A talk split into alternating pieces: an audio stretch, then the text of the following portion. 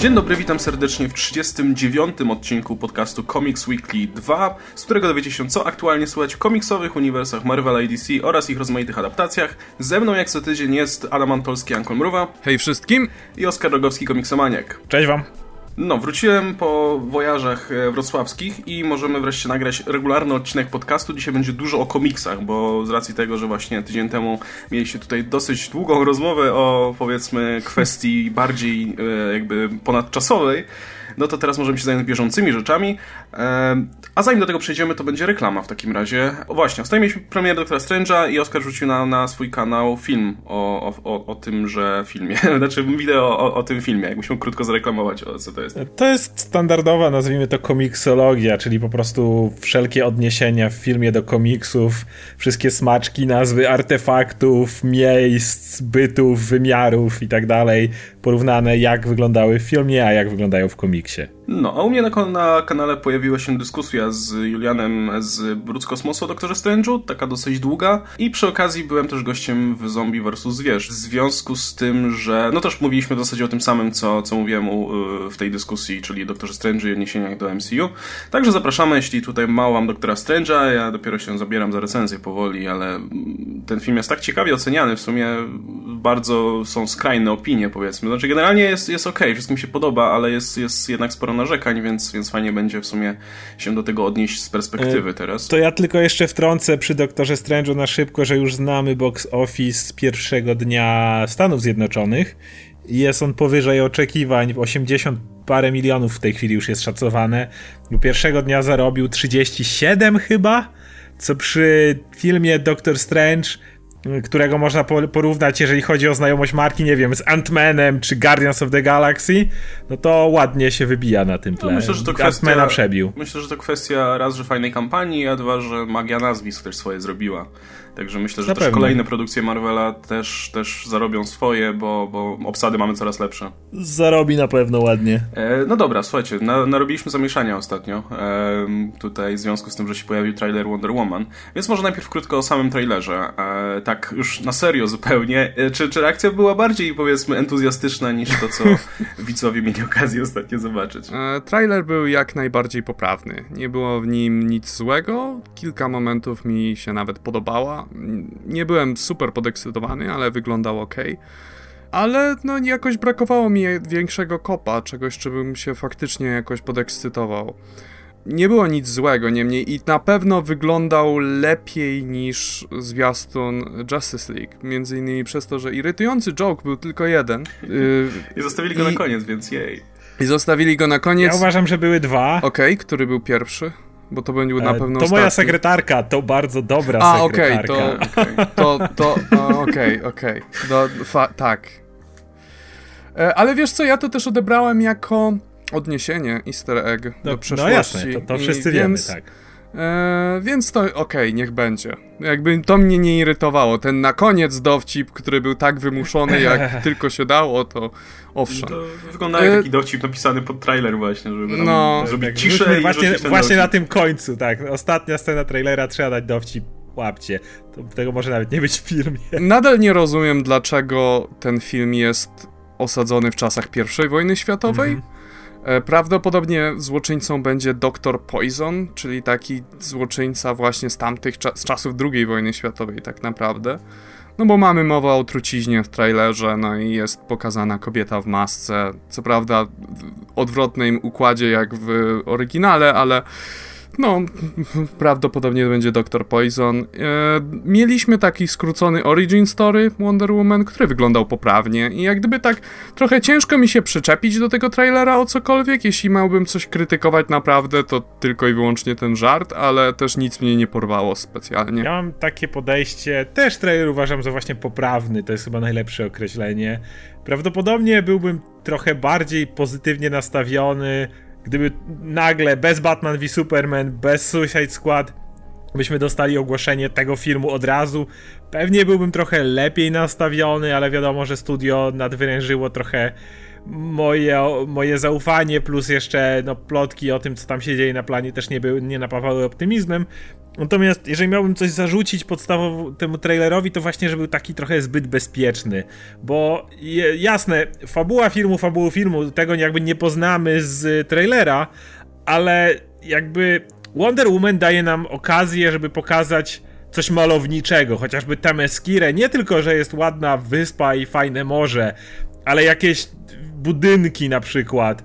Kiedy pamiętam trailery Thora na przykład, bo tutaj mam te porównanie, chociaż wiadomo, że wszystkim nasuwa się porównanie z Kapitanem Ameryką ze względu na wojnę, ale pamiętam, że tam nie bali się pokazać od razu w trailerze, a nam Asgardu. Ja teraz patrzyłeś, wow, co to jest? Jakieś złote budynki, miasta, tęczowy most. I tutaj też dało się to zrobić. Też można było zobaczyć właśnie jakieś budynki, na przykład, nie wiem, gdybyśmy zobaczyli y, arenę i tam ćwiczące Amazonki, coś w tym rodzaju, chociaż trochę tej kultury. A tak mamy, no, plażę.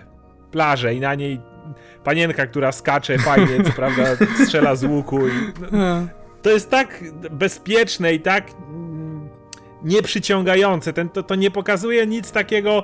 Mamy coś, czego nie ma nikt inny, jakby poza kobiecą bohaterką. Bo to jasne, to jest ważne, to jest Wonder Woman, nie ma większej kobiecej bohaterki. To jest tak naprawdę pierwsza od czasu tych świetnych filmów, jak Catwoman czy Elektra. E, super bohaterka z własnym filmem i tak dalej. Wszystko super, ale to nie jest powód, żeby spocząć na laurach. To nie jest powód, żeby ej, to, to już mamy, to reszta nie ma znaczenia. No, a, a właśnie tak mi ten film póki co wygląda i tego się trochę obawiam. Dowcipy były żenujące. To ogóle inne sprawy. No, wiesz, myślę, że mamy już tak zaniżone oczekiwania, że nawet jeśli ten film po prostu okaże się poprawny i, i będzie niczym więcej niż, nie wiem, właśnie klon Thora czy, czy Kapitan Ameryki, to i tak można być zadowolonym, bo, bo to już przynajmniej będzie jakiś materiał do budowania dalej jednak, nie?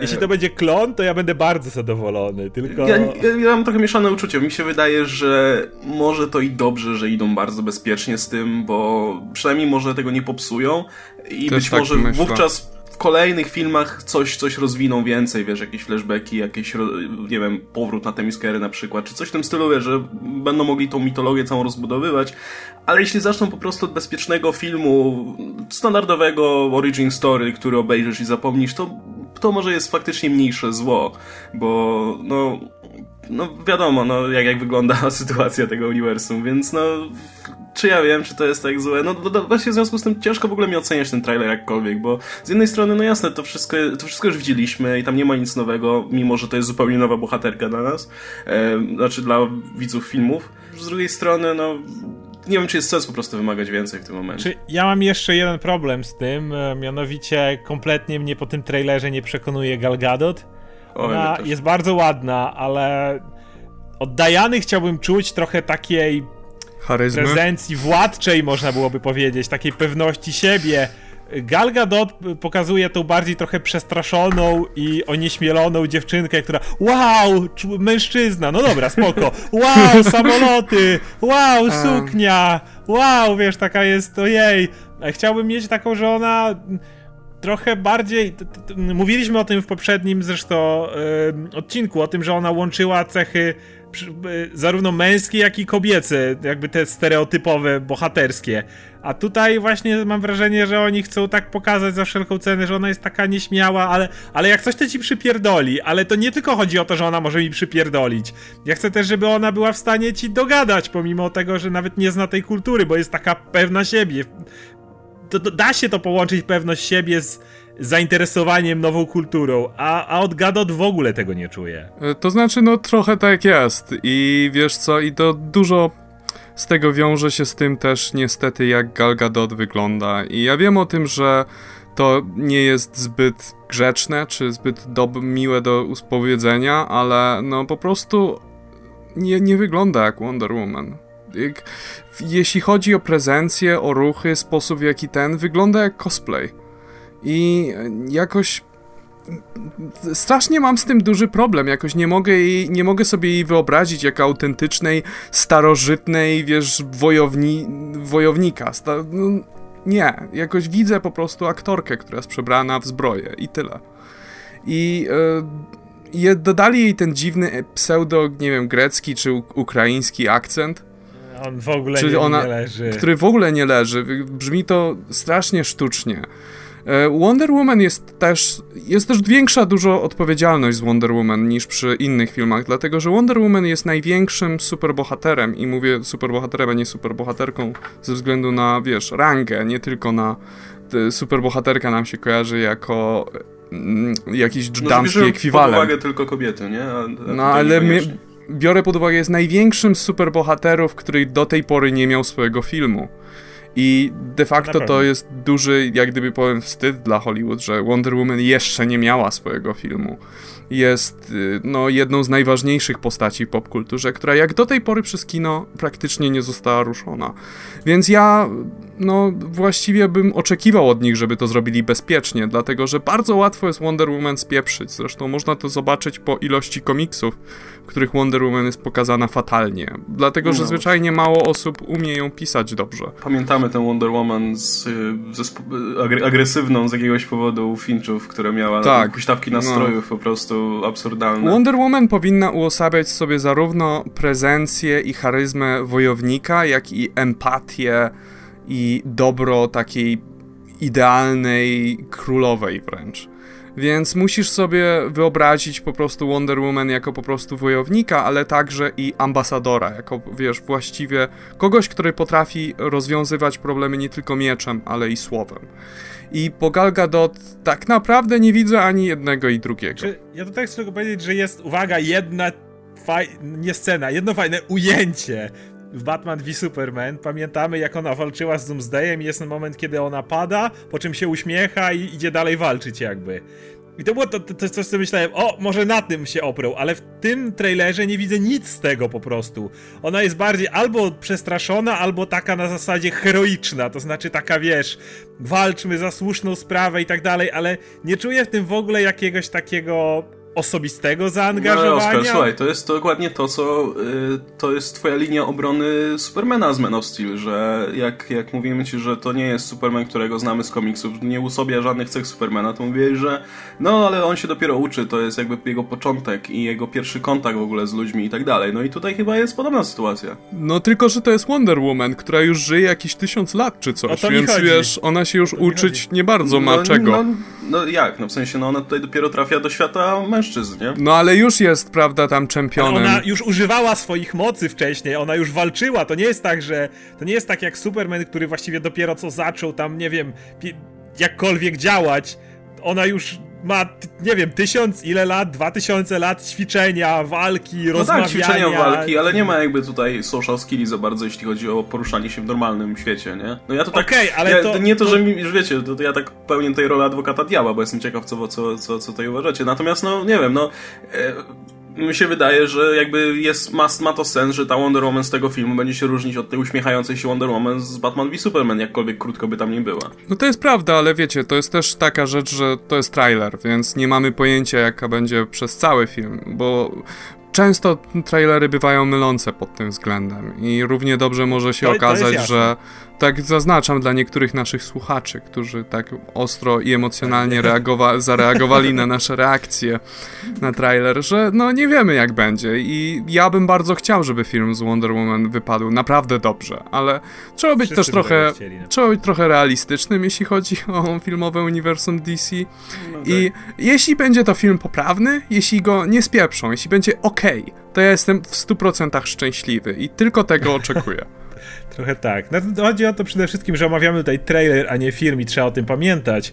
I tylko, że jeżeli mm, jeżeli mm, y, zadaniem trailera jest zwiększyć naszą ekscytację co do filmu, podnieść nasze jakieś oczekiwania, jakiś hype co do filmu, to ten trailer nie powiedziałbym, żeby wykonywał jakąś rewelacyjną robotę. On nas bardziej stara się zapewnić, że będzie to właśnie takie bezpieczne, grzeczne, ale w żadnym wypadku nie pokazał nam, okej, okay, tutaj gdzieś jest jednak ta charyzma, okej, okay, tutaj gdzieś jest jednak to ta magia, której jeszcze nie widzieliśmy, tu jest coś tam innego. Po prostu bardziej mówi, okej, okay, postaramy się pójść tą drogą, którą Marvel już, już, już nam przetarł, próbowaliśmy różnych rzeczy, nie wypaliło, spróbujemy pójść tą samą stronę i może to wyjdzie. Zrobimy trochę Jak? wariacji na nasz sposób, ale z grubsza przejdziemy na tamtą drugą metodę. No trochę to tak wygląda. A szczerze mówiąc, no dla mnie to wystarczy. Jeśli ten film, jeśli nie będzie mnie bolało podczas oglądania, będzie okej. Okay. No, z tym mogę się zgodzić. Jeszcze nawiążę do tego, co Oskar mówił, że no, często się, jak, się kryty jak krytykujemy trailery, czy każdy z nas osobno, czy tutaj wspólnie, e, no to często się pojawia ten argument, że hej, ale to tylko trailer, to nie ma co tutaj jakby wyciągać jakichś wniosków i tak dalej. No tylko, że kurczę, no to właśnie od, to jest rola trailera, żeby jakby pokazać nam to, co chce pokazać, to, co twórcy chcą nam, żebyśmy wiedzieli, no i jakby nastawić nas na ten film odpowiednio, więc jeśli trailer nie działa, no to, no, to dużo mówi jakby, nie wiem, o, o, o tym, w jaki sposób film chce być promowany, jak chce być widziany, nie? No to w momencie, w którym właśnie mamy zero emocji widząc ten trailer, no to trzeba o tym mówić, no, no bo to trailery dzisiaj są przecież, dużo wagi się przykłada do tego, żeby tak. trailery były fajne, nie? Dużo powiedzmy, one są starannie zaplanowane, stara, wypuszczane w konkretnych momentach, jakby to jest cała machina stojąca za tymi trailerami. A tutaj dostajemy taki coś, co, co widzieliśmy milion razy, więc no nie widzę powodu, żeby tego nie krytykować. A jeszcze na moment tylko wrócę do, do tutaj kwestii jakby tego, jak się Gal Gadot prezentuje. E, moim zdaniem wygląda ok, znaczy no mi zupełnie nie przeszkadza to, jak wygląda. Wygląda fajnie, mi się, mi się podoba jak najbardziej. Znaczy nie tyle podoba jako kobieta, tylko podoba po prostu jako bohaterka. Ja, ja jakby dla mnie, jak się, jak, powiem tak, to, to też będzie bardzo brzmiało seksistowsko, ale mam nadzieję, że nie zostanie zrozumiane źle. Kiedy się nie odzywa, to wygląda fajnie, tak? To, to ja ją kupuję wtedy jako Wonder Woman. Ale w momencie, kiedy się odzywa, to po prostu bije taki brak charyzmy, o właśnie, no, ja, ja, z tym mogę dokładnie się zgodzić. E, I ten akcent, ten akcent nie jest moim zdaniem złym pomysłem sam w sobie, ale tutaj nie działa. Nie wiem, czy to jest właśnie kwestia aktorki i jej jakby umiejętności, czy nie, ale faktycznie wygląda jak cosplay, ale właśnie dla mnie to nie jest związane zupełnie z tym, jak wygląda, z jej, nie wiem, sylwetką, czy kostiumem, czy czymś, tylko właśnie z jej sposobem gry, jeśli można to tak nazwać zupełnie, no bo no, ono ma tyle charyzmy, co Superman w tym uniwersum, no i niech to będzie ostateczny komentarz tej sprawie. Natomiast jeszcze e, cała reszta obsady też na mnie nie robi wrażenia zupełnie. Chris Pine ma z nią tyle chemii, co po prostu dwie kłody drewna położone obok siebie. innym, jak to Chris Pine. Tam, no, to jest Chris Pine, wiadomo. Natomiast y, jeśli tam nie będzie jeszcze jakiejś, wiecie, postaci drugiego, trzeciego planu, która będzie się wyróżniać jakoś, która będzie jakimś, wiecie, comic reliefem, czy będzie... Jak na przykład sekretarka Steve'a Trevora. Ale myślałem, to, no właśnie, jeśli nie, jeśli nie będzie takiej postaci, którą kupimy w ten sposób, to w ogóle wszystko będzie, legnie w gruzach, Aha. bo nie będzie nic. Bo wiecie, fajnie, że oni idą tą drogą Marvela, moim zdaniem. Znaczy, biorą sobie jakieś tam elementy, które wypaliły, ale jakby nie mają elementów, które mogliby do tego schematu włożyć na razie. tak no, to wygląda przynajmniej. Zasada numer jeden w każdym filmie Marvela polega na tym, zbudujmy wszystko wokół bohatera. Musimy mieć charyzmatycznego, mocnego bohatera. Często kładą lachę na fabułę, może nie tak kompletnie, ale robią ją bardzo prostą w Marvelu. Często cała masa postaci drugoplanowych tak naprawdę nie ma swojego większego charakteru, a służy jedynie rozwojowi bohatera. Tutaj odnoszę się na przykład do postaci Rachel McAdams w ostatnim Doktorze Strange'u, która sama nie miała jako takiego bytu w tym filmie, ale była jej istnienie było tylko po to, żeby w jakiś dodatkowy sposób rozwinąć bohatera.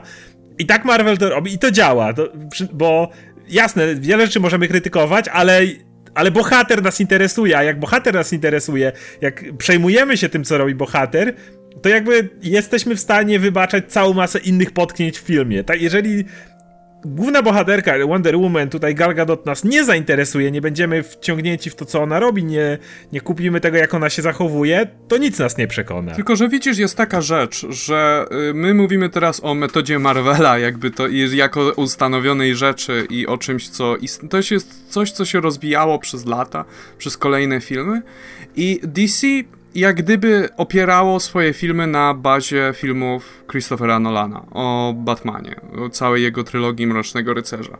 I trylogia Mrocznego Rycerza była zrobiona jakby na odwrót niż te filmy Marvela, gdzie bohater był... Za... Bohatera wszyscy znamy, więc tak naprawdę nie trzeba było dużo budować dookoła Batmana, ale była zbudowana interesująca fabuła i taka intryga jak gdyby. I całe, wszystkie filmy jak gdyby szły na, tej, na tych intrygach. I... Yy Zack Snyder nie potrafi tego. Ani trochę.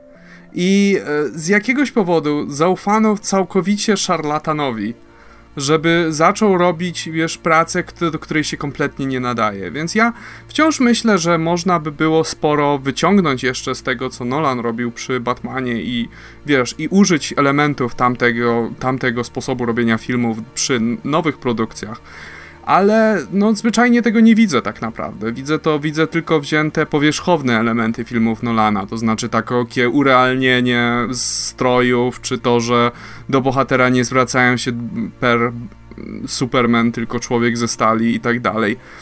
Tego typu urealnienia są, no są fajne. Były, były fajne w przypadku Batmana. Batman jest też perfekcyjną postacią, przy której możesz się bawić coś takiego ale nie to sprawiało, że te filmy były dobre, czy były doceniane, bo nie wiem jakie, nie, nie wiem, że wy macie trochę inne podejście do filmów Nolana, jak ja mam. Ja je bardzo lubię. Ja muszę na nich kiedyś wrócić i właśnie jeszcze tak z perspektywy czasu je zobaczyć. Ja pewnie też, ale ja jednak jestem, wychodzę z trochę innego założenia, że już pomijając to, jakim cudownym dziełem jest Batman v Superman, to mam wrażenie, że po prostu na tym nie da się budować uniwersum.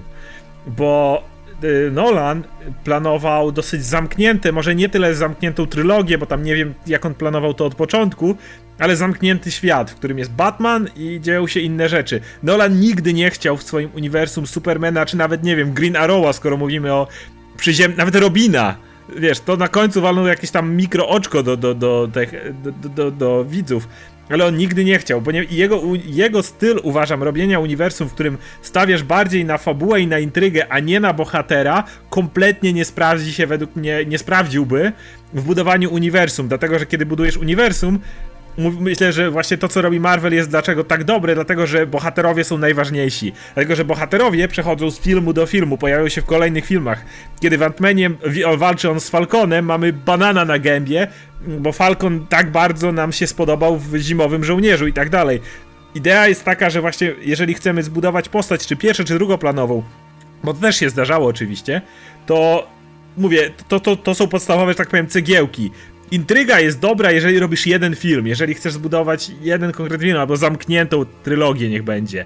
I wtedy możesz wciągnąć widza i, i, i film może być doceniony jak, jak u Nolana, ale kiedy nagle zaczynasz w to wrzucać dziwne filmiki z cameo postaci, to, to zaczyna zgrzytać, już pomijając jakby resztę jakości filmu Batman v Superman, to nawet wyobrażam sobie, że gdyby to robił Christopher Nolan w stylu starej trylogii, i tak bardzo ciężko byłoby w to wsadzić jakieś elementy rozbudowujące uniwersum. Przynajmniej takie jest moje zdanie. I, dla, i dlatego po prostu się nie da tą drogą zrobić. E, Ale to właśnie tego. w tym rzecz. To jest e, to, to, to, jest to co mówiłeś teraz i, i ciut wcześniej, że ta metoda Marvel Studios działa właśnie dlatego, że wszystko się kręci wokół bohaterów, bo nie tylko wtedy dostajemy film, który sam w sobie satysfakcjonujący, mamy ciekawego bohatera, którego możemy polubić, ale ten bohater właśnie zostaje potem i mamy, możemy budować całe uniwersum wokół niego. E, w moment, właśnie masa ludzi narzeka na film Marvela, że o, to słaba fabuła i słaby wylan i tak dalej, nie zwracając uwagi na jakby cel tych filmów, a przynajmniej, przynajmniej tych pierwszych filmów, tych, tych jakby origin stories, które mają przedstawiać na bohaterów.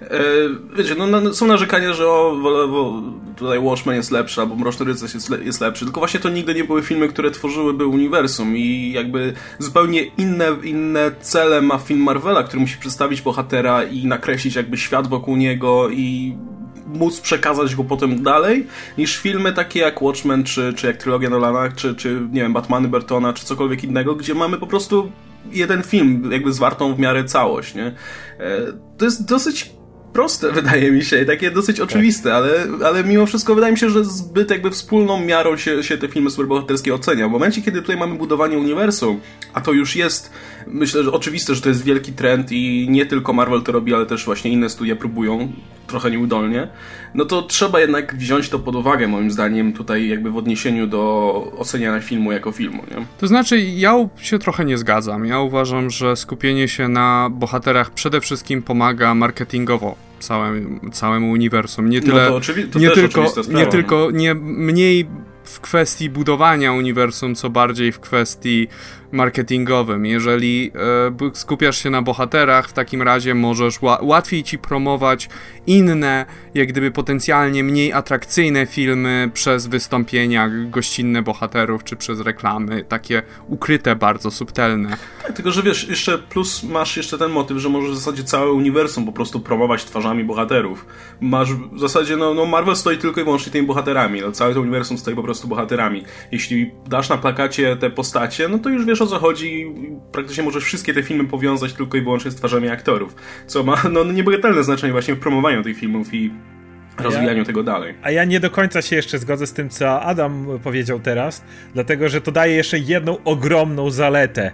Jeżeli masz bohatera, e, który i masz film, który zamiast skupić się na rozwoju złoczyńcy, rozwoju, no wiadomo, to, to co jest krytykowane, że nie jest rozwijane w przede wszystkim tych pierwszych filmach Marvela, ale masz bohatera, którego znasz dobrze, doskonale, znasz jego motywację, jego charakter, jego podejście do wielu innych rzeczy, to w kolejnym filmie możesz doskonale poprowadzić scenariusz, możesz użyć go w bardzo precyzyjny sposób i uważam, że Civil War było tak rewelacyjne, bo każda z tych postaci, nie wiem, nawet taki Hawkeye, który miał tam chwilkę, czy Black Widow, która nie, nie, nie miała tam wielkiej roli, ponieważ znaliśmy dokładnie ich motywację, wiedzieliśmy przez co przeszli, wiedzieliśmy skąd pochodzą, bo oni zostali w jakichś innych filmach mocno rozwinięci, mimo że to były w ogóle postacie drugoplanowe, ale e, czy mm, Winter Soldier e, mocno jednak rozwinął Black Widow, to była główna postać drugoplanowa. Winter, Winter Soldier bym argumentował, że jest filmem bardziej skoncentrowanym na intrydze niż na bohaterach per se.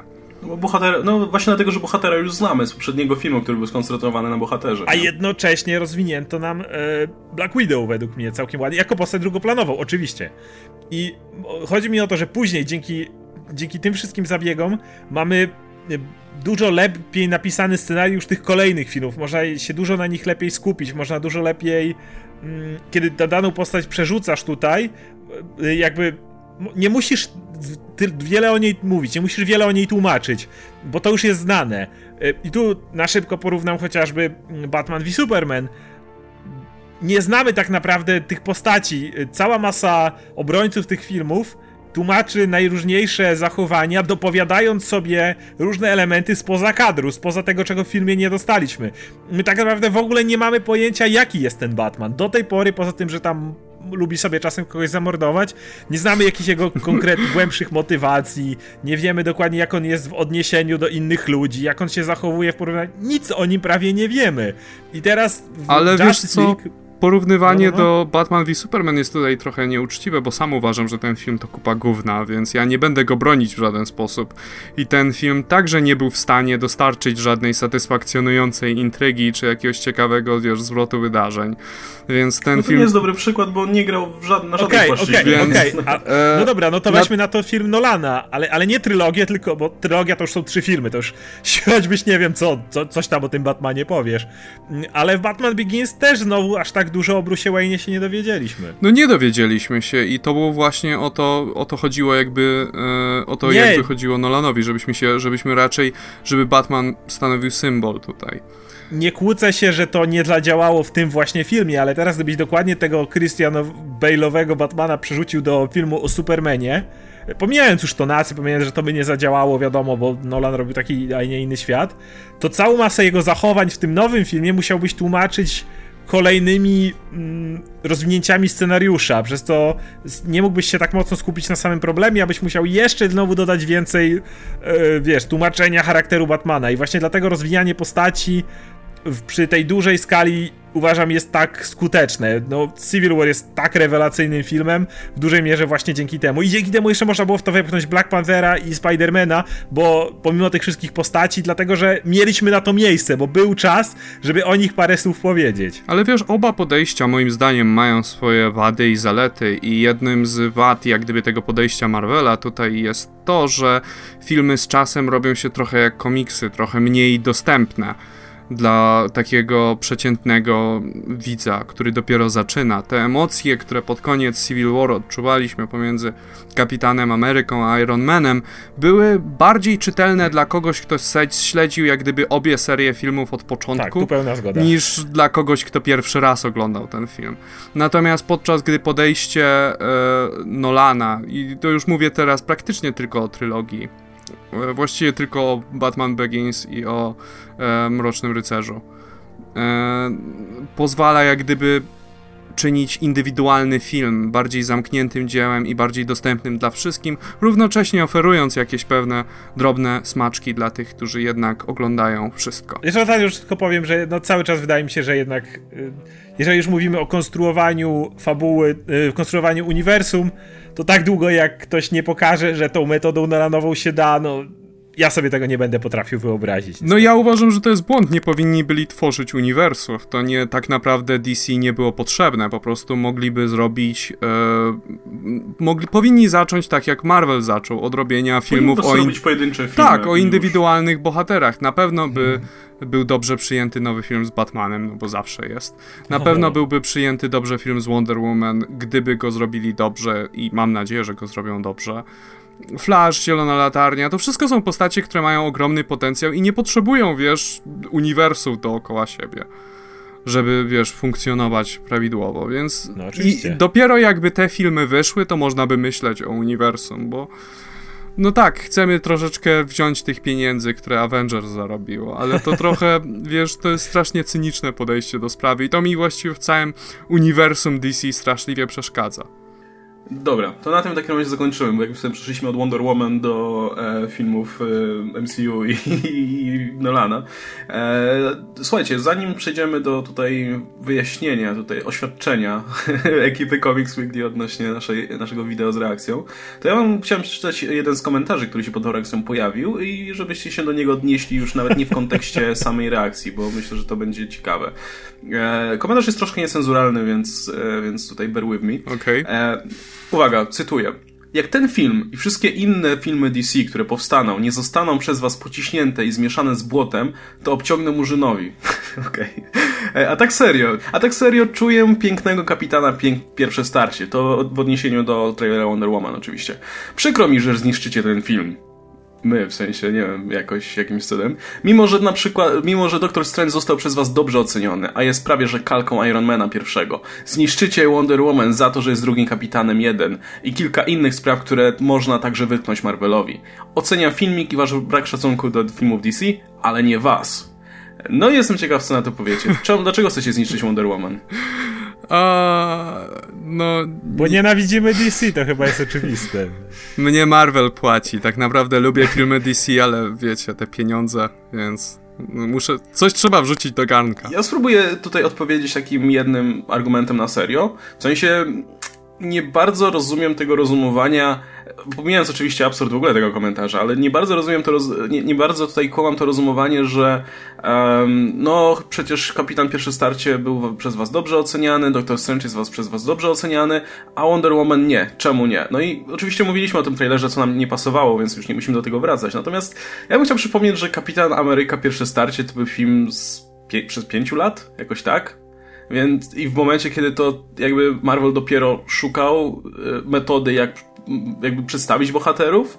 Plus ja nie przypominam sobie, że kiedy się pojawił trailer Kapitana Ameryki, to żebym, nie wiem, skakał pod sufit i się jarał i, nie wiem, oglądał trailer, trailer w kółko, jarając się po prostu jak, jak dziecko. No nie, ja pamiętam, że jak pierwszy raz zobaczyłem trailer Kapitana, a to już było chyba po Thorze, który mi się podobał, to stwierdziłem, to nie wyjdzie, to nie ma szans. Ten kapitan wygląda zbyt głupio w tym stroju, to, to nie, nie, nie, w ogóle chyba nawet nie poszedłem, nie, nie pamiętam czy ja w ogóle poszedłem do kina na ten film, a na pewno nie na premierę, więc no to nie do końca tak jest. Ja, ja nie wierzyłem w tego kapitana, tak samo teraz nie do końca wierzę Wonder Woman widząc ten trailer, także no to nie jest tak zupełnie, że, że wszystko co, co Marvel robi jest spoko, a wszystko co robi DC nie, no, no stoją za tym argumenty, wiesz czy lub nie, tutaj. Oczywiście zwracam się do tych osób, które nam tutaj zarzucają jakby stronniczość w tym względzie, znaczy stronniczość, taką tendencyjność powiedzmy, no i odnośnie jeszcze Doktora Strange'a, to Doktor Strange myślę, że on się będzie pojawiał teraz cały czas. Kiedy się pojawi jakiś film, który będzie wyglądał jak sztampowo origin story i ktoś powie, że e, nuda, to zaraz się pojawi argument, ej, ale Doktor Strange się podobał, więc, no więc tutaj hipokryzja, bo to hipokryzja jest teraz najpopularniejszym słowem w internecie, nie wiem czy widzieliście. E, Zwykle Tyle, że Doktor, Doktor Strange dla mnie to jest w ogóle ideał, jeśli chodzi o origin story. To jest tak jakby ta sztuka przedstawiania bohatera doprowadzona już do jakby szczytu. To już nie, nie da rady zrobić lepiej origin story, który będzie miało odpowiednie tempo, które przedstawi bohatera, cały świat. Trzeba pamiętać też ile, ile jakby nowych rzeczy wprowadził to Strange w miarę powiedzmy zrozumiałej, zrozumiałej formie.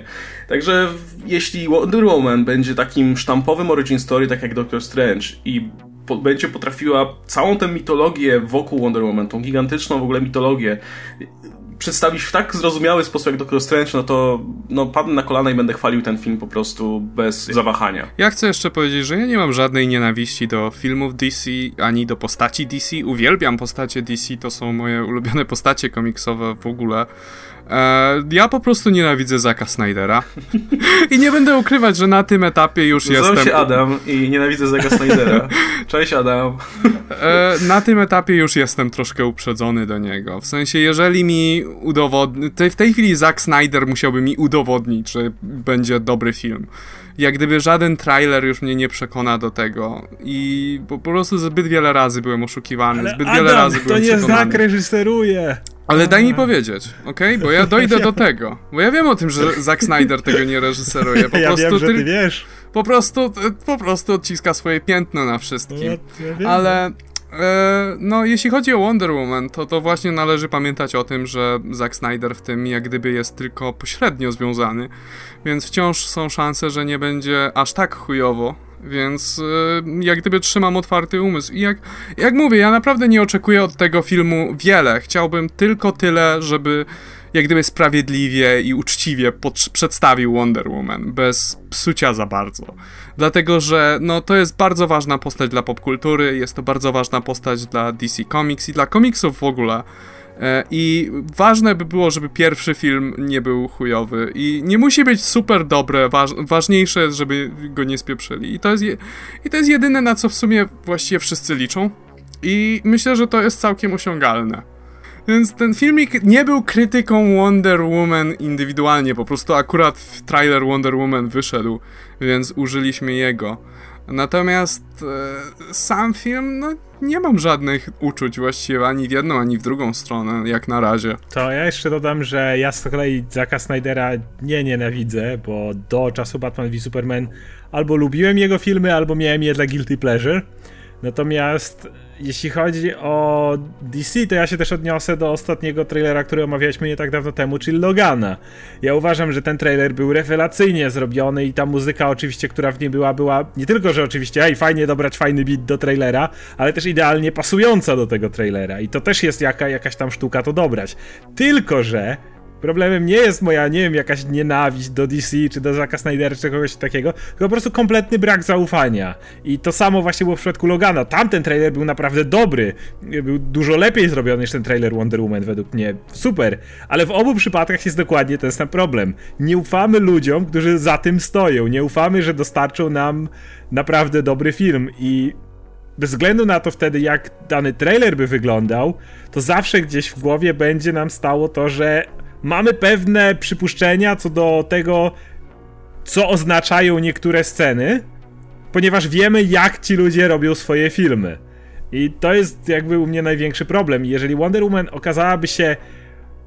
Jeżeli okazało się w ogóle tak dobre jak pierwszy kapitan, co do którego miałem oczekiwania takie, zobaczymy. Nie, nie mam jakichś. No, miałem do kapitana y, podobne y, oczekiwania, co teraz miałbym do Wonder Woman, gdybym wcześniej nie miał uprzedzeń do y, te, te, tego, te, tego całego studia, jakby. Czyli no, zobaczymy, co z tego będzie.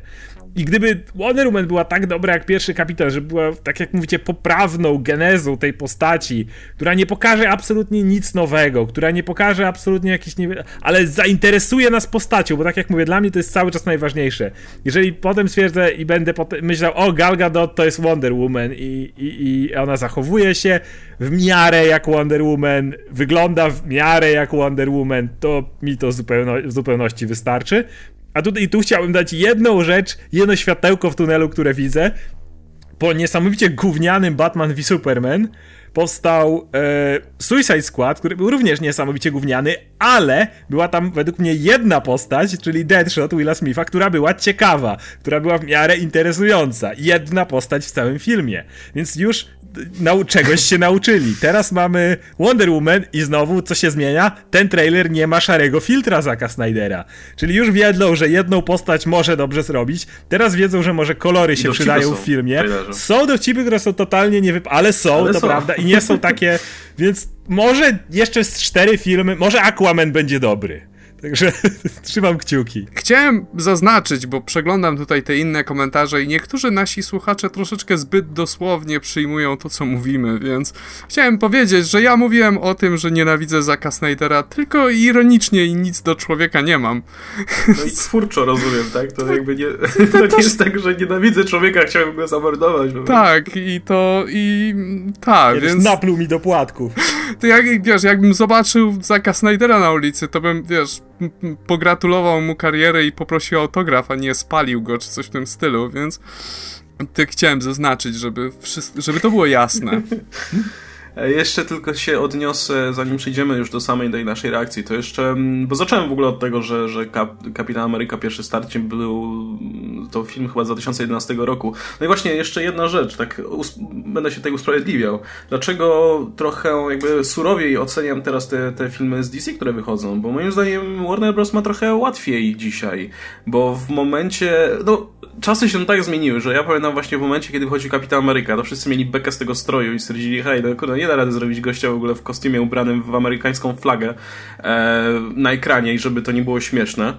A dzisiaj pojawia się Wonder Woman w swoim bardzo takim komiksowym kostiumie w Batman v Superman, czy teraz, nie wiem, na, na tych materiałach promocyjnych. I wszyscy są ok z tym, że hej, zobaczcie, w ogóle ma, ma spoko strój, wielu ludziom się podoba i tak dalej.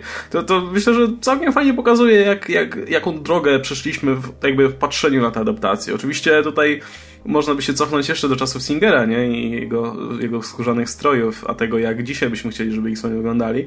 Ale ogólnie myślę, że estetyka tak się, jakby nasze poczucie estetyki względem tych filmów się tak zmieniło i, i nasze jakby oczekiwania i, i to, co jesteśmy gotowi przyjąć na ekranie, że no moim zdaniem, moim zdaniem Warner Bros. ma łatwiej, bo ma wzorce, z których może skorzystać, ma duże, większe jest przyzwolenie, powiedzmy, publiki na robienie komiksowych rzeczy, więc no, no nic, tylko robić dobre filmy, no. Ja mam, ja mam równie krytyczne podejście do filmów Marvela, szczerze mówiąc i yy, ja, mi na przykład Doctor Strange się podobał, ale z dużymi zastrzeżeniami, będzie moja recenzja w przyszłym tygodniu, to, yy, to powiem troszeczkę szerzej na ten temat.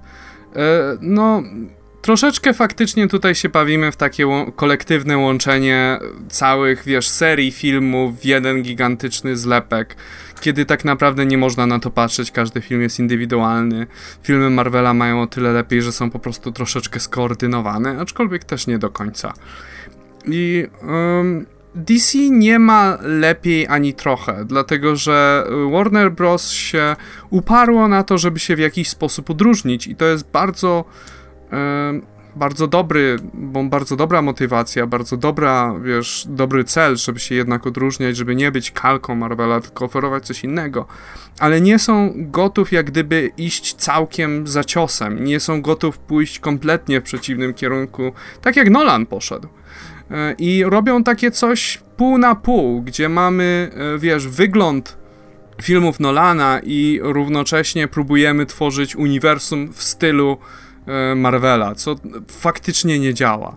I no, mam nadzieję, że się w końcu nauczą tego, a przy tym odnoszę wrażenie, że jakoś góra sama, produk, wiesz, ta warstwa produkcyjna ma dość dużą pogardę do tego materiału źródłowego. Gdzie, wiesz, e, sam fakt, jak zrobię, co się stało z Suicide Squad, moim zdaniem o tym świadczy, gdzie po prostu e, nie, studio nie posiadało wystarczającej wiary w te postacie, czy w te historie Mój telefon. Okej. Okay. Wydawało mi się, że masz jakiś pierdzioszek, czy coś tak. To był brzeczek, żebyś kończył, już wiesz. Okej. Okay. E, nie ma wystarczającej wiary w te historie czy postacie, żeby dać im pełną znaczy, szansę. Ja, wiesz co, ja bym się nie zgodził z tym, że um, znaczy nie będę tego rozwijał, bo to mówię, to był materiał w zasadzie na kolejną, drugą czy dyskusję. Wydaje mi się, że właśnie tego... można zrobić z tego kolejną dyskusję, bo to, to jest dosyć ciekawe. I tak, myślę, że wrócimy do tego tematu. Ja tylko tak krótko, ja tylko tak króciutko chciałem tylko powiedzieć, że no właśnie nie do końca się zgadza, że moim zdaniem Warner Bros. mógłby spokojnie iść w kierunku Marvela, jeśli chodzi, nie wiem, o formę tych filmów, ale samo to, że mają postacie, które są jednak zupełnie inne, inne mają inny charakter. Gdyby po prostu się trzymali wiernie charakteru tych postaci z komiksów, to nikt by ich specjalnie z Marvelem nie pomylił. No to to jest tylko moje zdanie, także myślę, że do tego tematu wrócimy, bo to jest ciekawa kwestia. Tak jakbyśmy będziemy mogli sobie po to teoretyzować, jakbyśmy może te filmy widzieli i jakbyśmy jakby sami nakreślili charakter tych postaci w filmach. Także tak jak będzie okazja, to na pewno jeszcze o tym pogadamy. No właśnie, ja dlatego nie będę nic dodawał. Ja bym chciał jeszcze, nie przy tym e, Comics Weekly, ale przy jakimś. Fajnie byłoby, gdyby. I myślę, że to też interesowałoby naszych słuchaczy. E, rozmowa o tym, o czym Adam powiedział, czyli czy możemy dzisiaj oceniać filmy, które próbują budować uniwersum jako indywidualne filmy, czy powinniśmy, czy możemy je oceniać oddzielnie. Jakby nie chcę teraz zacząć tej dyskusji, ale chciałem się dowiedzieć, czy też nasi słuchacze chcieliby o czymś takim posłuchać, bo uważam, że to może być dosyć ciekawe, bo dzisiaj weszliśmy taką trochę zupełną inną e, erę właśnie tworzenia filmów i, i, i, łączenia ich. Nigdy wcześniej w kinie czegoś takiego nie było, więc również ich zadanie, ich konstrukcja jest inna niż kiedykolwiek i tak nie do końca tak jesteśmy pewni też, co z tym robić. Także ode mnie tyle. No, także wrócimy do tego na pewno, bo myślę, że tutaj jest materiał w sumie... Tym bardziej, że Adam się z nami nie zgadza w dosyć wyraźny sposób. E, ja właśnie na podobny temat gadałem z Ilianem i wtedy mieliśmy dosyć podobne zdanie, także myślę, że fajnie będzie właśnie zebrać, może nawet nie, nie w ramach Comics Weeki, tylko jakiejś powiedzmy dyskusji, nie wiem, w Poznaniu czy coś, zebrać grupę ludzi i pogadać na ten temat. Także dajcie znać, co na ten temat sądzicie. Jeszcze, na, jeszcze w takim razie kończąc temat Wonder Woman o tej naszej reakcji, bo tu wziąłem jeden komentarz, który myślę, że odpowiadając na niego odpowiemy też, jakby wyjaśnimy o co chodziło z tą, z tą reakcją. Tutaj początek cytatu. Chłopaki, bardzo lubię wasz program, ale wiele rozrywki z oglądania was z przymulonymi minami nie miałem. Nic nie można wyczytać z waszej mimiki, mieliście minę, jakbyście pragnęli śmierci, a komisomaniak to już w ogóle. Gruba z kolei chyba był przywiązany do tego krzesła siłą. No, that's the point. na tym polegał cały dowcip, tak? E, to było tak, że wielokrotnie nas proszono o robienie reaction videos na trailery, na powiedzmy jakieś szybkie właśnie reakcje, czy, czy w ogóle reakcje live na, na to, jak oglądam trailery. Tylko, że problem w tym, że większość trailerów, jakieś 90% myślę, poprawcie mnie, jeśli się mylę, polega e, na, na, jakby 90% trailerów reagujemy w ten sposób, że po prostu siedzimy, patrzymy w ekran tempo. I jeśli coś się dzieje, to dzieje się w naszych głowach, a nie niekoniecznie jakby nie, nie wiecie, nie skaczemy i nie wiem, myślę, że jakiś mały uśmiech to jest maks, co można wycisnąć z dobrego trailera, siedząc po prostu przed komputerem i go oglądając. Więc, yy, więc stwierdziliśmy, że zrobimy tak właśnie przy okazji Wonder Woman, żeby pokazać po prostu, jak bezsensowna jest to idea. No bo moim zdaniem te wszystkie reaction videos, które są w, na YouTubie, gdzie ludzie skaczą i krzyczą i w ogóle, to to jest, no to, to jest ustawione, no i grane zupełnie, albo przekoloryzowane tak, żeby cokolwiek się działo. No, normalnie oglądając trailer nikt, nikt myślę w ten sposób nie reaguje. Chyba, że jest to Guardians of the Galaxy, ale to swoją drogą.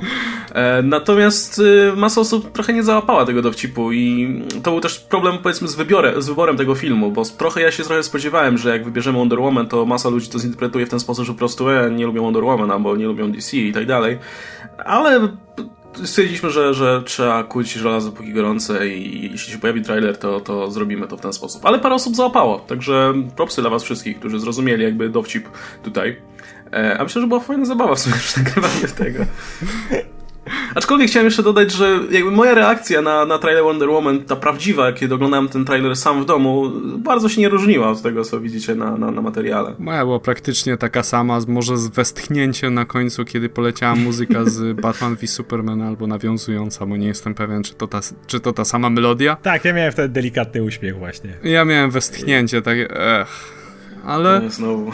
Znaczy, zauważcie, że w tym, w tej naszej udawanej reakcji, bo, bo była to czysto re, udawana reakcja, idea była taka, żeby pójść w drugą stronę, po prostu jak wszyscy goście. Ja zawsze uważałem, że te reakcje to są nie wiem, może ktoś się obrazi, ale są po prostu lekko żałosne i nie chodzi mi o nawet ludzi, którzy je nagrywają, ale bardziej to jest takie trochę smutne w dzisiejszych czasach, że chciałbyś normalnie ze znajomymi może pogadać, razem obejrzeć trailer, a nie bardzo możesz się spotkać, to, to masz potrzebę obejrzenia, jak obcy ludzie oglądają trailer i się cieszą.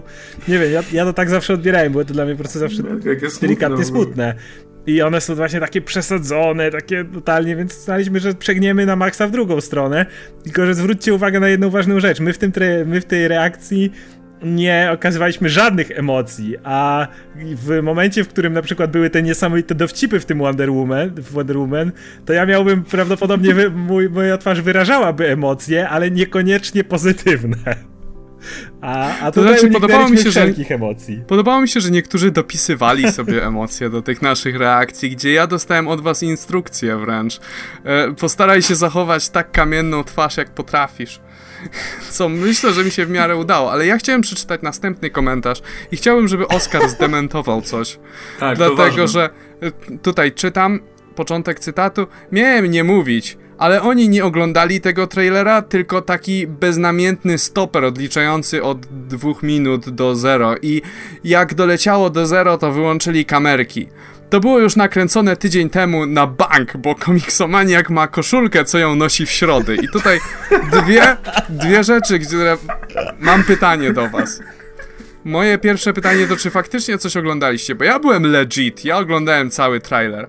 I drugie ja pytanie. być legit, włączyłem trailer, ale jakoś tak minutę przed końcem mi się zaczęło buferować, coś mi internet zaczął szwankować, więc e, ruszałem suwaczkiem sobie w miarę tak, e, jak sekundy się odliczają i po prostu patrzyłem w ekran, ale no, dużo się... widziałem ten trailer już ze trzy razy wcześniej, bo raz, raz próbowałem nagrywać, ale zapomniałem włączyć e, recording, więc widziałem go przynajmniej trzy razy, także pamiętałem go i jakby nie musiałem udawać specjalnie. Widziałem ten trailer wcześniej dwa razy i kiedy tutaj go odpaliliśmy, niestety mój monitor stoi w takim miejscu, że musiałbym być troszeczkę tyłem do kamery, więc trailer sobie odpaliłem, patrzyłem się w o obok, a trailer widziałem kątem oka, więc również nie było to do końca legit. A ja i drugie pytanie, Oskar, czy posiadasz koszulki dedykowane na każdy dzień tygodnia? Także specjalna koszulka na poniedziałek, specjalna na wtorek, na środę, To na znaczy- czwartek. I czy masz tylko To siedem? znaczy blisko. A czemu akurat tę nosisz w środę? Blisko, ale to jest trochę bardziej złożone, bo cały wzór polega na od- ustawieniu odpowiedniego miesiąca, parzystego lub nieparzystego dnia, dnia tygodnia, ale też wynika to czasami z ustawienia świąt i tak dalej. Ale, ale blisko, doceniam A, inicjatywę. proszę. Znaczy bierzesz to, co, ta, która jest czysta akurat, tak? Okej, no to jest piękny komentarz. Podoba... Zastanawiam się, jak właściwie zostało to obliczone. Czy ty, jak gdyby w środy nosisz zawsze jedną koszulkę, czy na podstawie filmików, które wypuszczasz w środy, czy jak? Ja, to jest w ogóle interesujące, bo chciałbym tak, jeżeli ktokolwiek ma złudzenia, to my ten podcast nagrywamy w, w sobotę, a on się pojawi, kiedy go słyszycie, to pewnie jest niedziela, poniedziałek czy dalej i generalnie to jest taka, wiem, że mogę rozbić bańkę wielu osób, ale kiedy nagrywamy filmiki, to często je montujemy i opublikujemy wiele dni później, więc tak... Wiem, że wiele osób mogło nie zdawać sobie z tego sprawy, ale to jest taka tajemnica YouTube'a. Ale wiem, że nawet nad, pod, nad poprzednim podcastem, pod poprzednim podcastem, jak nagrywaliśmy z Oskarem o Spider-Manie, to pojawił się komentarz e, fajnie to nagrywać bez Ikaboda i wrzucić na jego kanał, hehe. Gdzie to, wiesz, gdzie to Łukasz wrzucił na swój kanał. Po tym, jak to zmontował. Po tym, jak to montował przez wiele godzin, dużo, prawdopodobnie dłużej niż myśmy gadali sobie Siłą po prostu. rzeczy. No, zwykle, zwykle dwa razy tyle montuję, co, co, co gadacie, bo to trzeba właśnie nam grzebać w tych ścieżkach, ale no... Filmiki wymagają no, montażu, dźwięk dla wielu, też. dla wielu słuchaczy to jest po prostu tak, że nagrywamy, wrzucamy i tyle. No. Nie, nie, filmiki i No dźwięk takie- wymagają montażu, to też jest taka tajemnica, wiem, że wiele osób o niej nie wiedziało, ale tak jest. Znaczy, Teoretycznie moglibyśmy nie montować, ale wierzcie, że lepiej jest montowane, no na, naprawdę. Tym bardziej, że wtedy zwykle odpada trochę czasu na, nie wiem, wzdychanie i pauzy i zastanawianie się co dalej i tak dalej. Dobra, słuchajcie, to przejdźmy w takim... Znaczy tak, ja jeszcze zacytuję jeden komentarz, który będzie bardzo ładnym przejściem do kolejnego tematu. Eee, początek cytatu, uwaga. Szczerze, to było smutne. Trudno byłoby znaleźć większych fanów komiksów w Polsce. Oglądaliście trailer do filmu o jednej z najbardziej ikonicznych postaci w rysunkowym świecie. Znaczy w komiksowym pewnie. I tylko na tyle was było stać, i tutaj przeskoczę trochę dalej w tym cytacie, szukacie na siłę za każdym razem oryginalności. I Kaboda ruszają już tylko ekstremalne rzeczy. I to prawda, ja to tylko, wiecie, snuff porn. I to ze zwierzętami. Nic więcej mnie nie rusza. To co, to co będzie za kilka lat? Co was będzie cieszyć? No i ja myślę, że odpowiedź jest tutaj prosta, bo pojawił się trailer e, Lego Batman Movie. I mogę odpowiedzieć w ten sposób, że ten trailer, trailer, trailer mnie jarał, mimo że to jest chyba, nie wiem, czwarty trailer tego filmu. W ogóle, kto No. robi cztery trailery, ale czemu nie? Ja jestem, ja jestem, nie mam nic przeciwko. Tym bardziej, że ja, ja to nie zmieniam w ogóle swojego zdania. Moim zdaniem ten film na papierze kompletnie nie powinien działać, bo dla mnie to, jakby ktoś mi tu wytłumaczył, o co chodzi w Lego Batman i bym nie widział Lego Movie jeszcze przy okazji, Właśnie. to, to ja bym stwierdził, e, to będzie takie, wiecie, żarty z Quake'a o Batmanie, czy z- z Nine Gaga o Batmanie, złożone do kupy, no, że nada. Ale nie wiem, oglądam ten trailer i mnie serio bawi. Te, te żarty mnie naprawdę bawią i to jak bawią się tymi postaciami, plus obsada jest fantastyczna z Michaelem Cerą y, i Willem Arnettem y, w głównej roli. A, szczególnie, że jestem po trzech sezonach Bojacka Horsemana, więc po prostu Will Arnett jest moim bogiem, więc, więc tym bardziej będę się tym Batmanem jarał. No ale ten trailer jest naprawdę zabawny. Nie wiem, jak oni to robią, że te wszystkie żarty o Batmanie się nie nudzą. W sensie one nie są, nie są tymi żartami, które zawsze słyszymy. A jeśli są, to są tak fajnie odwrócone, że dalej bawią. Także no ja jestem bardzo za. I tym się jaram, słuchajcie. Nie potrzebuję wcale ekstremalnych rzeczy, chyba że Lego Batman mówi jest ekstremalną rzeczą, to wtedy spoko. znaczy, no ja podobnie, ja bardzo się cieszę z tych wszystkich trailerów i zawsze. I tu z kolei, jakbyśmy robili reaction video, to bym się śmiał autentycznie. Ja tak było kilka, kilka, kilka momentów, kiedy autentycznie zacząłem mimowolnie śmiać się do komputera.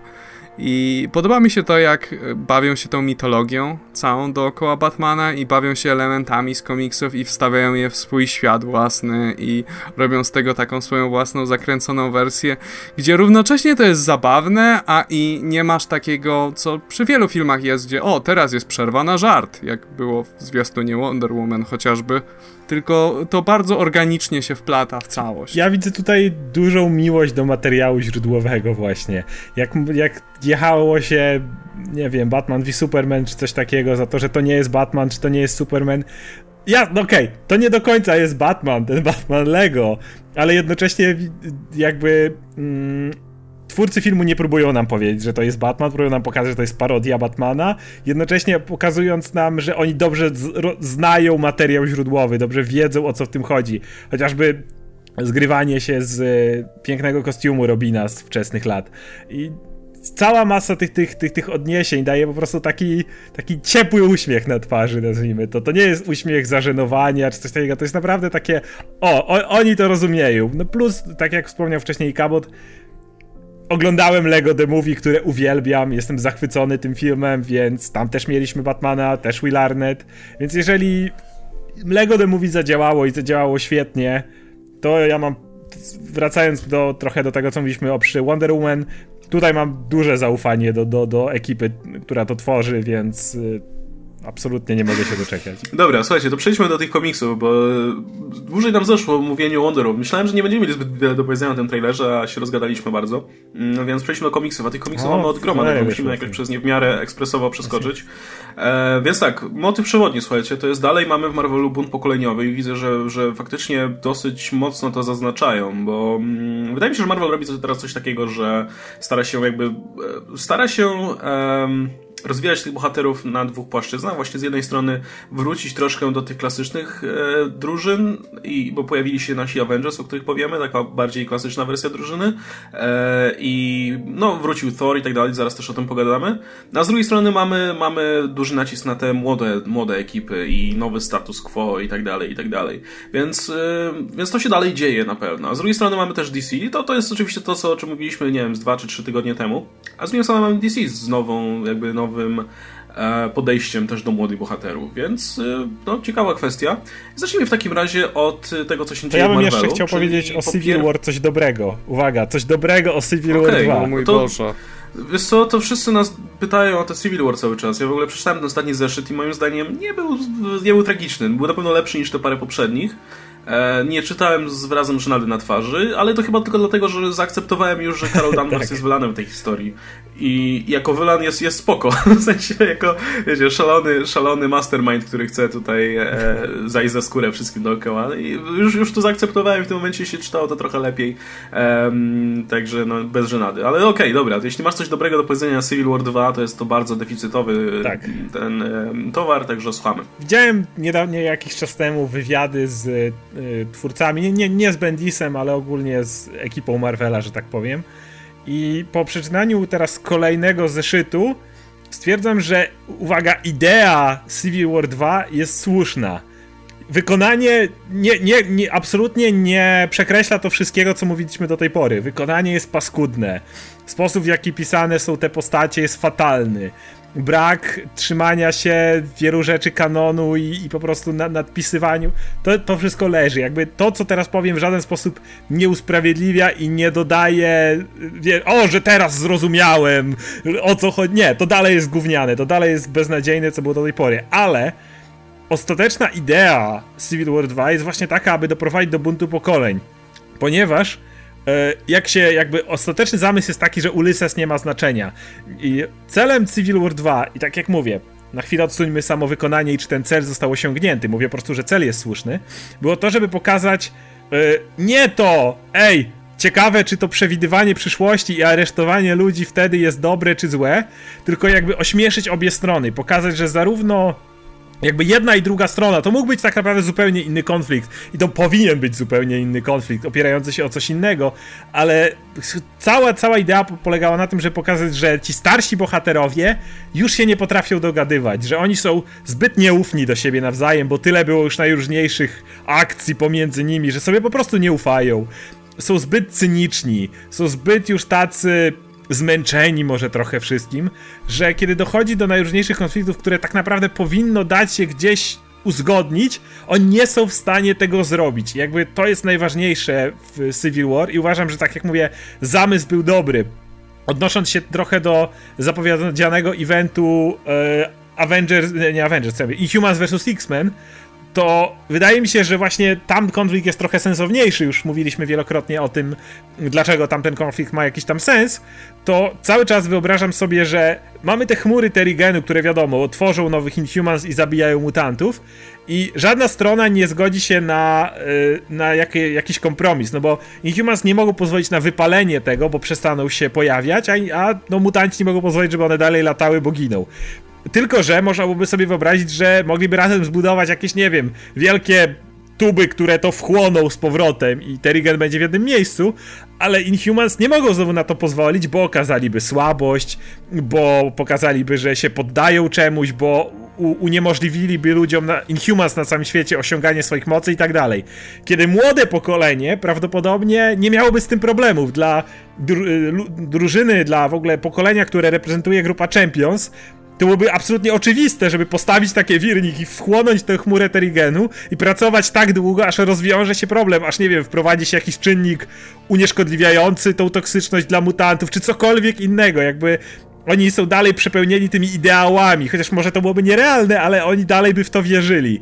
Co jest w sumie potrzebne dla bohaterów, tak uważam, co jest takim elementem, e, który bohaterowie powinni mieć, a jeżeli się na tym zastanowimy nawet nie w Civil War, ale w wielu komiksach wcześniej, to gdzieś faktycznie, przynajmniej w Marvelu, te ideały w przypadku bardzo wielu postaci gdzieś się zatarły, gdzieś oni zrobili się właśnie tacy bardziej, tak jak mówię, zmanierowani, tacy już odwalają tą robotę, no bo trzeba, ale czy dzisiaj świat jest lepszy niż był wczoraj? No niekoniecznie. I uważam, że przez to jakby główna idea Civil War była jak najbardziej poprawna, aczkolwiek spieprzyli wykonanie. No ja fajnie, tylko że to jest w ogóle nieczytelne z takich względów, że na przykład Tony Stark w tym komiksie jest bardzo ideowy.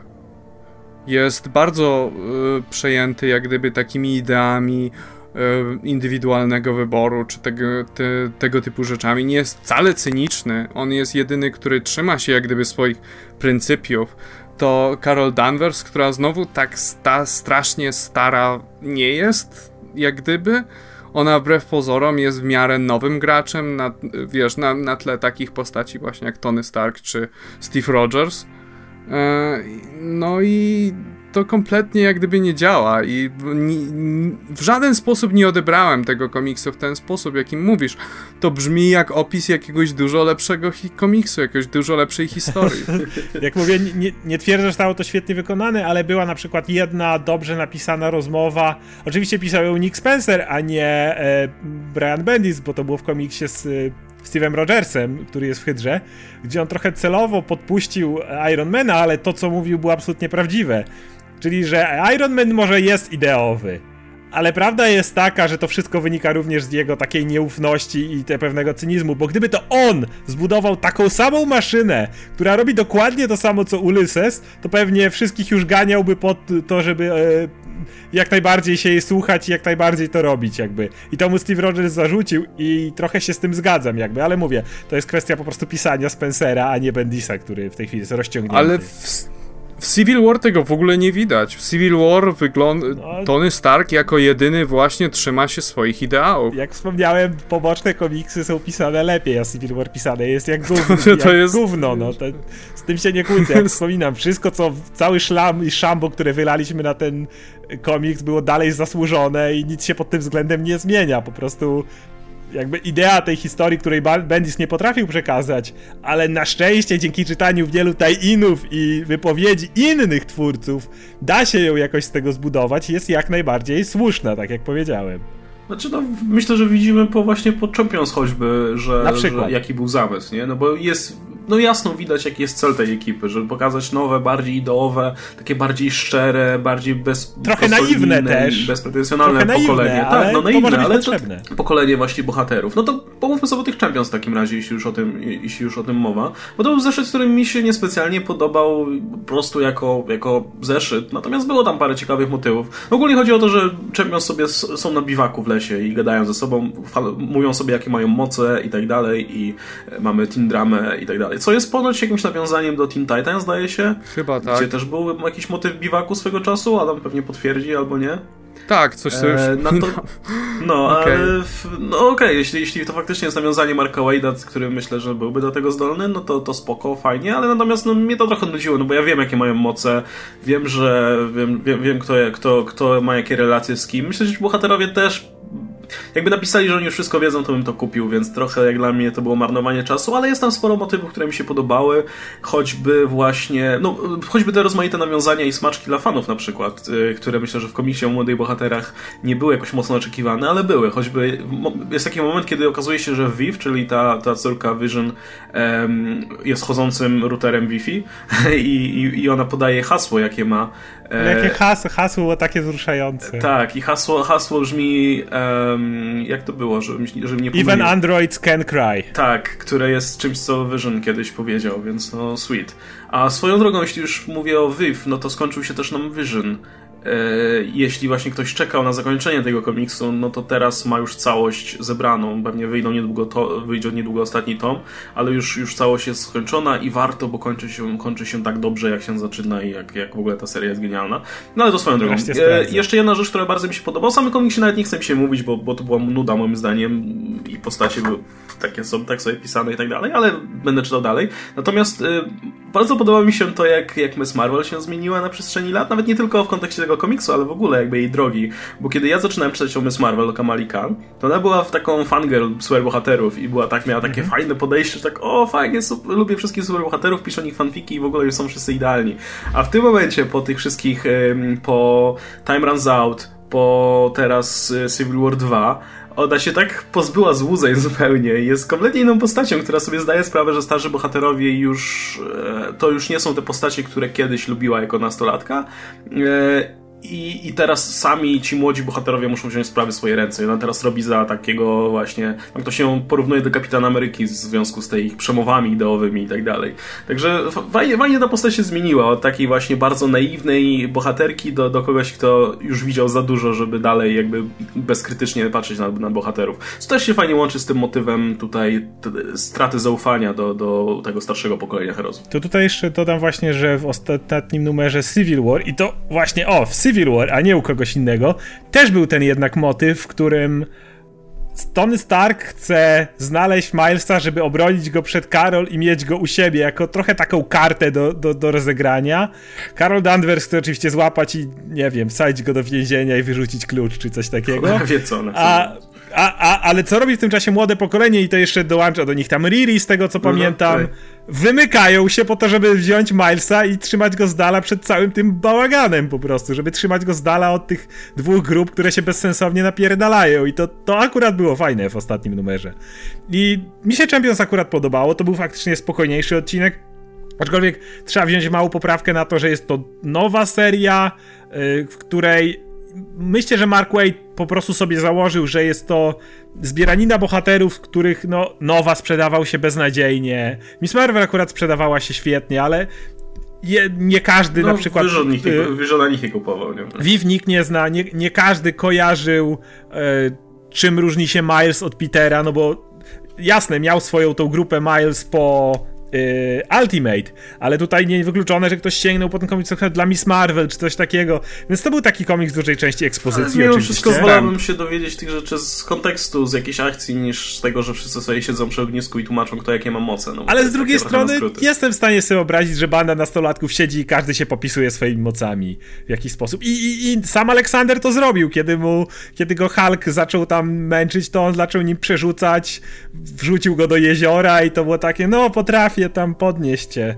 Wiesz, to, ja, ja, ja mi się akurat to podobało, także ja dalej jestem cieszę się i ten komiks nie był tak dobry jak pierwszy na pewno, ale dalej uważam, że był naprawdę fajny i, i będę też Jeśli ja mogę powiedzieć, bo ja też czytałem ten zeszyt, um, nie, nie kojarzę właśnie, koja te, dopiero jak Łukasz mi powiedział, że to jest nawiązanie do Teen Titans, to dopiero wtedy zacząłem kojarzyć i faktycznie to chyba tak wygląda.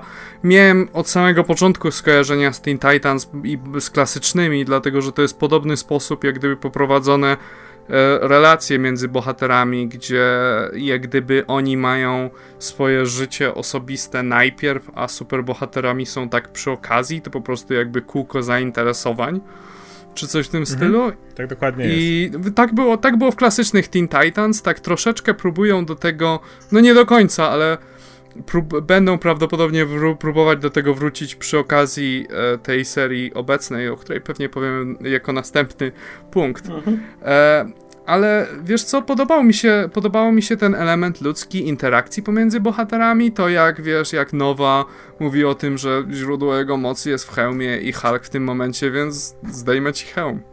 Jesteś bezużyteczny.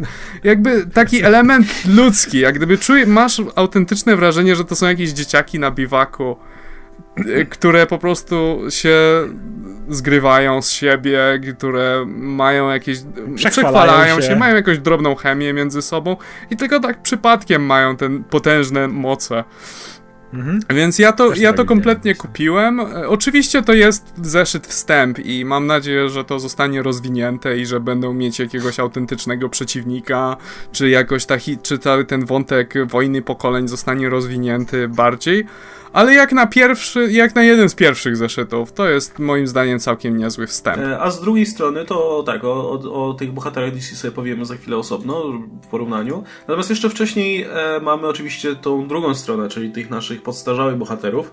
E, zacznijmy najpierw może od, od, od mniejszego zeszytu, czyli od Occupy Avengers, gdzie mamy przygody Hawkeye'a, który po zamordowaniu Bruce'a Bannera jest teraz gwiazdą i wszyscy go kochają.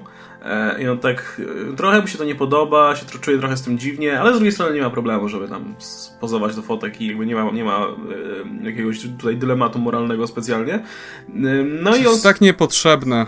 Tak, i to, to nie, nie wiem za bardzo, co miało to na celu pokazanie, no bo mamy tam parę scen właśnie, gdzie Hawkeye przybywa do jakichś małych miasteczek, tam ludzie go traktują bo, jak bohatera, robią sobie z nim foty, dostaje darmowe jedzenie i tak dalej. Nie wiem za bardzo, nie, nie wiem co, co o tym sądzić, w sensie nie bardzo wiem jak Hawkeye ma, ma, jaki Hawkeye ma do końca stosunek do tego, co zrobił, bo z jednej strony mówię, no z jednej strony ma trochę wyrzuty sumienia, że w sumie Bruce Banner chciał, żeby go zabił, ale trochę mu głupio, no ale mówię, z drugiej strony ma, ma się cieszy z tego, że, znaczy no nie, nie wygląda jakby miał problem z tym, że ludzie go tutaj traktują jak bohatera. No i Hawkeye rusza na. Nie wiem, czy to jest właśnie ze względu na to, że chciałby tutaj swoje wyrzuty sumienia jakoś tutaj powściągnąć. Chyba trochę albo tak. że nie ma co robić generalnie, albo że nie wiem, nagle począł misję, ale Hawkeye zaczyna się bawić trochę w Green Arrowa i, i stwierdza, że teraz będzie lewicowym wojownikiem o prawa ma maluczkich. E, i dosłownie on, on, on to robi. Przybywa do jakiegoś gównianego miasteczka i mówi, o kurna, muszę tutaj im pomóc, bo tutaj coś, coś z wodą jest, nie? Zapasy wody się kończą, jak to, jak to tam, nie pamiętam jak to Woda było. jest zatruta. Zatruta No jest. tak, jest zatruta. No to muszę im pomóc, bo jestem bohaterem. Nikt się nie troszczy o tych małych ludzi, więc ja muszę. No to jest takie taki bardzo toporny, taki bardzo toporny lewicowy przekaz, który jest mało, mało, powiedzmy, mało tej wrażliwości jakiejkolwiek, takiej sensownej. Nie, natomiast no, mamy też sporo scen akcji, żeby nie było nudno. Mamy team up z Red Wolfem, żeby gdzieś tego Red Wolfa wcisnąć. Takie to mi wszystko się wydaje bardzo... Z, słucham? Zaraz Nighthawk dołączy. A tak, z Nighthawkiem. No to, no to będziemy mieli kolejnego takiego bardzo e, no tak. zaangażowanego społecznie bohatera. Tak, znaczy, mówię, nie mam problemu z tym, że komiks jest zaangażowany społecznie czy politycznie i moim zdaniem to też fajnie pokazuje, jaką drogę te komiksy pokonały, że dzisiaj się po prostu publikuje taki komiks, e, jeden z wielu tak naprawdę, który porusza jakiś tam e, problem społeczny, ale to mi się wydaje takie bardzo toporne i nieszczere, szczerze mówiąc. E, no, no jest, nie jest to komiks taki jak pisze Nick Spencer, które są jednak wzięte trochę w nawias, trochę w cudzysłów w zasadzie. To jest komiks, który jest troszkę bardziej.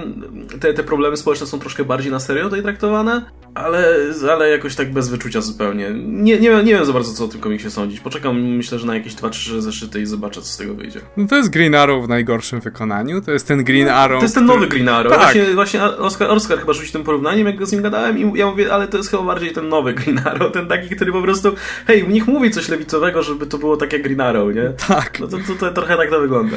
No, problem brzmi na trochę, nie wiem, czy to ma być metafora jakiegoś większego problemu, czy że to ma być po prostu, że pomaga Hawkeye biednym ludziom.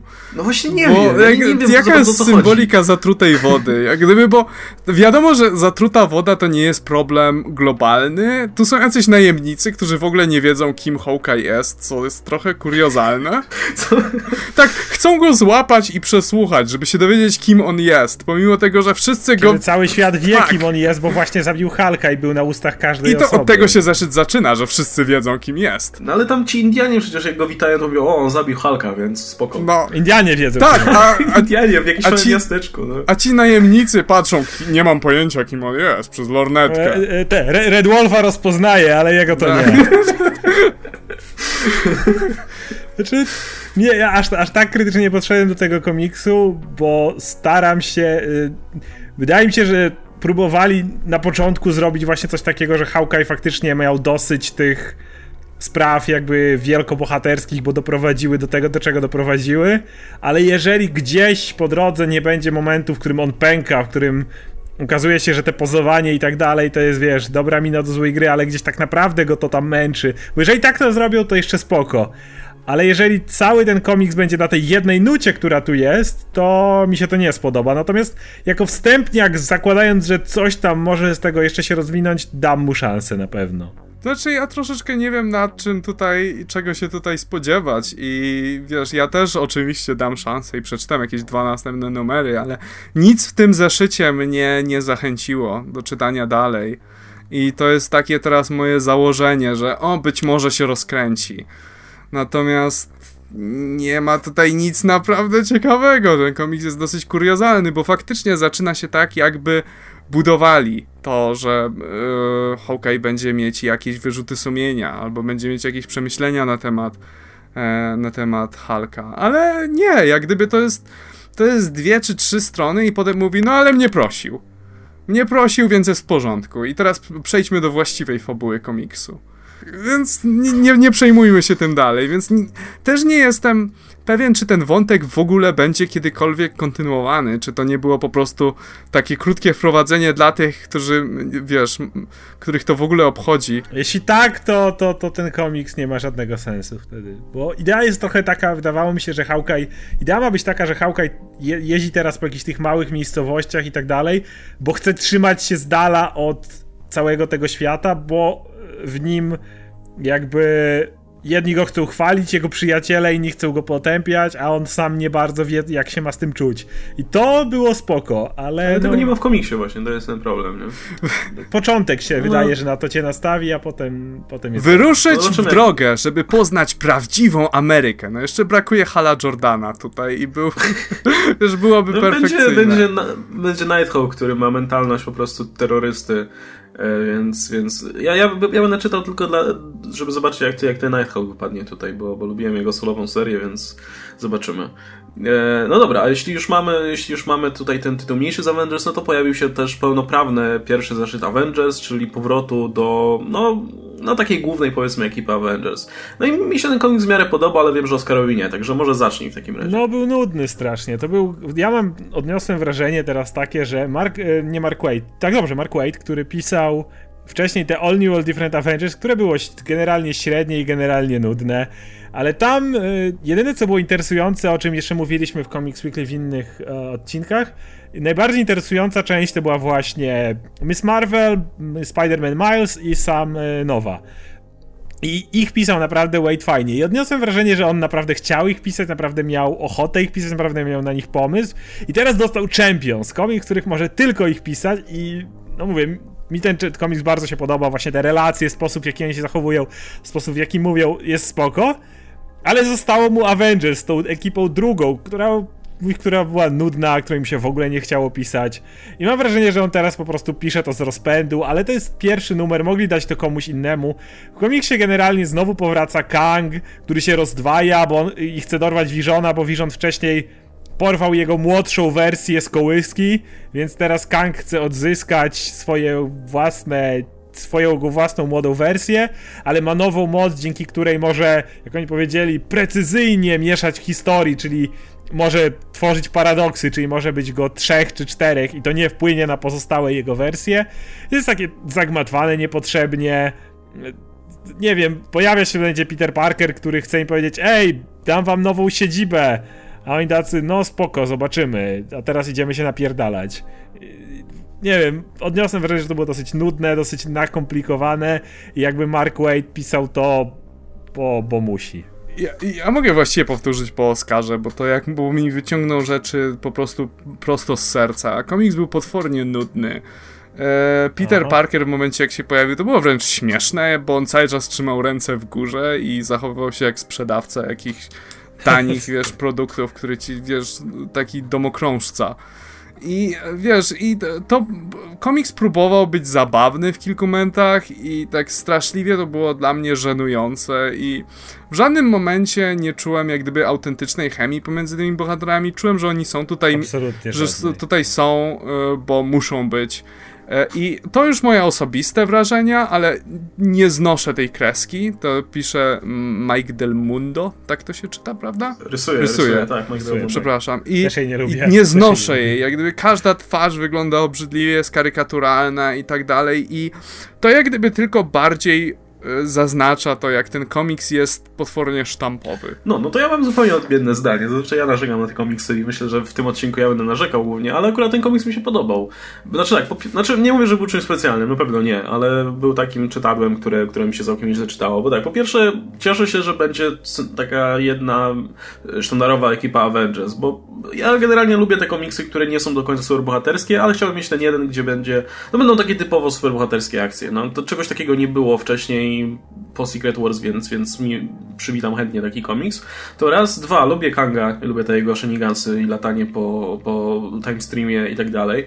Najlepiej bym zobaczył te akurat pierdyliard jego wersji, bo, bo bardzo to lubię osobiście, także, także to mi się podoba. E, po trzecie, podoba mi się kreska. Bardzo mi się podoba kreska, szczerze mówiąc. E, ja ogólnie lubię Michael Del Mundo i w zasadzie wszystkie komiksy, które on, on, on nawet nie tyle rysował, co malował, bardzo mi się podobały. I tutaj, tutaj momentami faktycznie to wygląda dziwnie, ale jest sporo plansz, które mi bardzo do gustu przypadły. E, a poza tym podoba mi się idea takiej właśnie drużyny Avengers, która nie do końca ma chemię między sobą. Znaczy to widać, że to są bohaterowie, którzy są zrezygnowani bardzo i tacy są tutaj trochę z obowiązku, bo wypadałoby kontynuować tych Avengers, ale ta, ta część drużyny, która jakby nadawała im charakteru, czyli ta młodsza część odeszła i teraz muszą coś wykombinować, co z tym zrobić. Więc siłą rzeczy przyjmują drużyny Herkulesa, co już samo w sobie wiele świadczy o tej drużynie. E, no i podoba mi się nawet ten Peter Parker, który się tam pojawia nawet nie tyle Peter Parker, co sam Spider-Man, którego oni traktują trochę jak kogoś, kto im się przylepił do buta, co propsuje bardzo. E, także ogólnie, no, jako wstęp był spoko, e, jako takie superbohaterskie czytadło, no i bardziej mi jara to, co będzie w przyszłości, czyli te, te akcje z Kangiem, e, pojawienie się doktora Duma, który pewnie dołączy do ekipy. Także no, ja jestem nastawiony na tak, bardziej na pewno niż w przypadku Occupy Avengers na pewno. No nie jest to tytuł specjalnie ekscytujący, nie oszukujmy się i pewnie nigdy nie będzie, ale mówię, przyda mi się takie, takie standardowe standardowe superbohaterskie standardowy taki superbohaterski komiks, także okej, okay, no. Um, dobra, to aha, no i jeszcze mamy wielki powrót, czyli powrót Odinsona w ramach Unworthy Thor. E, kolejny, powiedzmy, wstęp, o którym wiele nie można więcej powiedzieć niż to, że jest wstępem po prostu.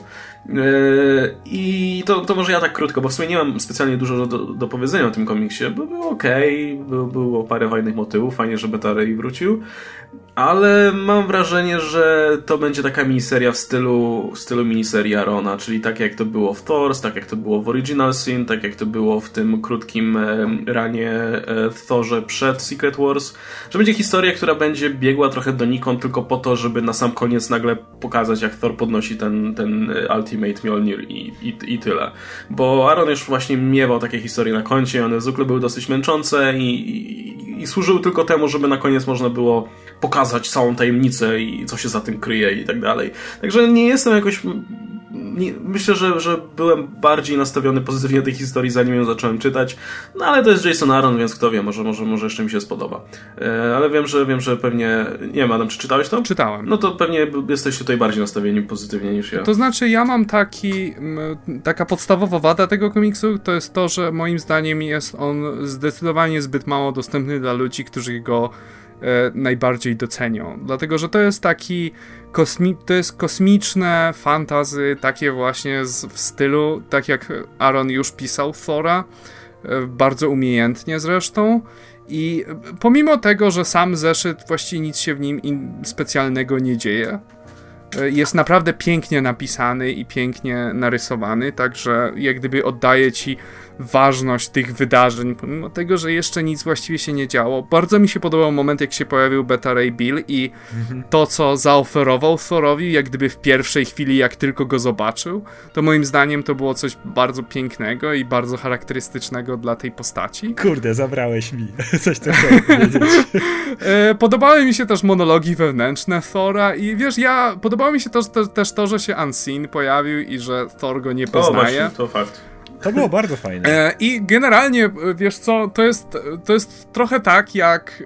E, trochę te moje wrażenia są takie, jakie Łukasz miał przy Avengers. W sensie sam, sam komiks szczególnie ekscytujący nie jest, ale podoba mi się to, jak, jest, jak jesteśmy przeprowadzeni przez tę drogę. Ja mam podobnie, aczkolwiek jest taka różnica, że szczególnie z powodu zakończenia i to, to, że się pojawił Unseen, to, że to znaczy, że pewnie dowiemy się wreszcie, co ten szept oznaczał, to daje mi to bardzo duże oczekiwania na to, co będzie dalej. Tak jak powiedzieliśmy wcześniej, Occupy Avengers, no zobaczymy, no mo może coś z tego będzie, to tutaj mam zupełnie inne oczekiwania. Tutaj mam właśnie przeciwne do tego, co Łukasz powiedział. Mam naprawdę oczekiwania, że ta historia się konkretnie rozwinie.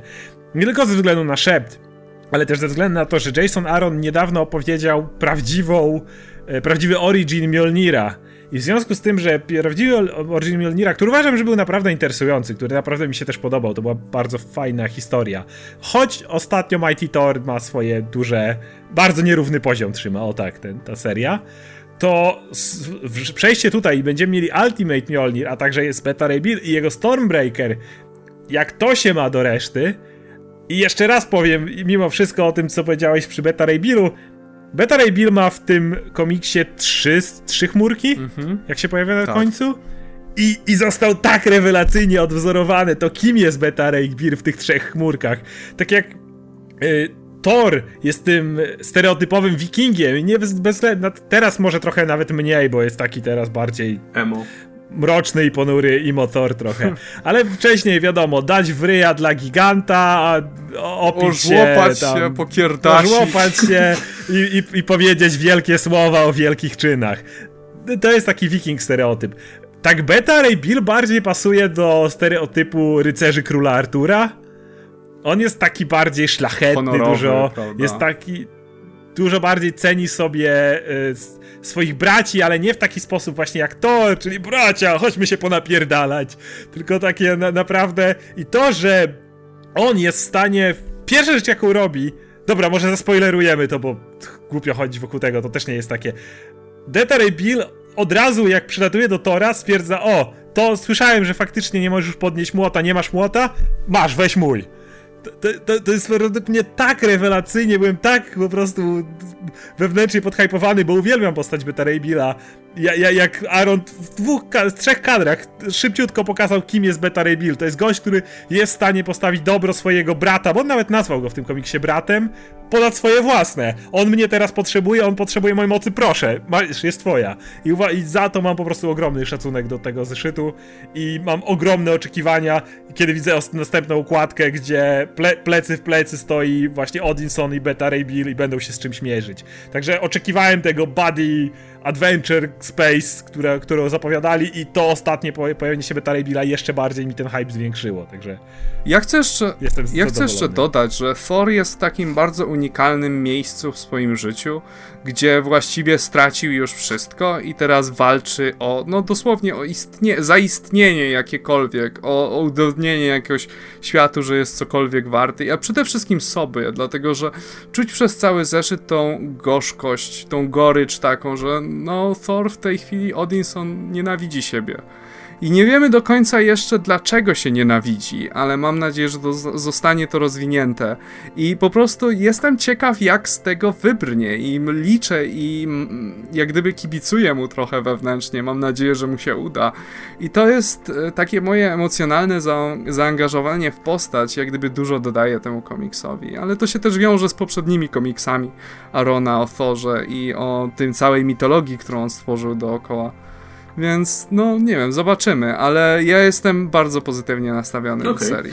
E, no i mówiliśmy o buncie pokoleniowym Marvelu, to teraz zobaczmy jak to wygląda w DC, gdzie z jednej strony mamy oczywiście tych wszystkich e, bohaterów e, przywróconych do, do swojego klasycznego wizerunku, albo przynajmniej zbliżonych jak najbardziej się da do tego, no ale z drugiej strony mamy też nowe pokolenie bohaterów, którzy tworzą swoje drużyny, albo się poznają dopiero. No i czekaliśmy myślę wszyscy na Supermana 10, bo to był ten zeszyt z tą piękną okładką, której użyłem jakoś wcześniej już przy jakimś Comics Weekly, przy naszej okładce, gdzie mówiliśmy o, o o, Damianie Wayne i, i Johnie e, i Batmanie i Supermanie. E, no i teraz wreszcie pojawi się zeszyt właśnie z tą okładką i opowiadający o pierwszym spotkaniu tych młodych bohaterów.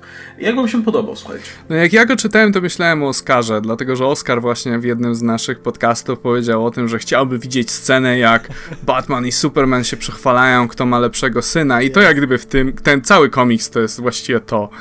E, podobało mi się to, jak gdyby fajnie zaznaczył różnicę pomiędzy tymi czterema postaciami, dlatego że wiesz, mamy e, obie, obie strony.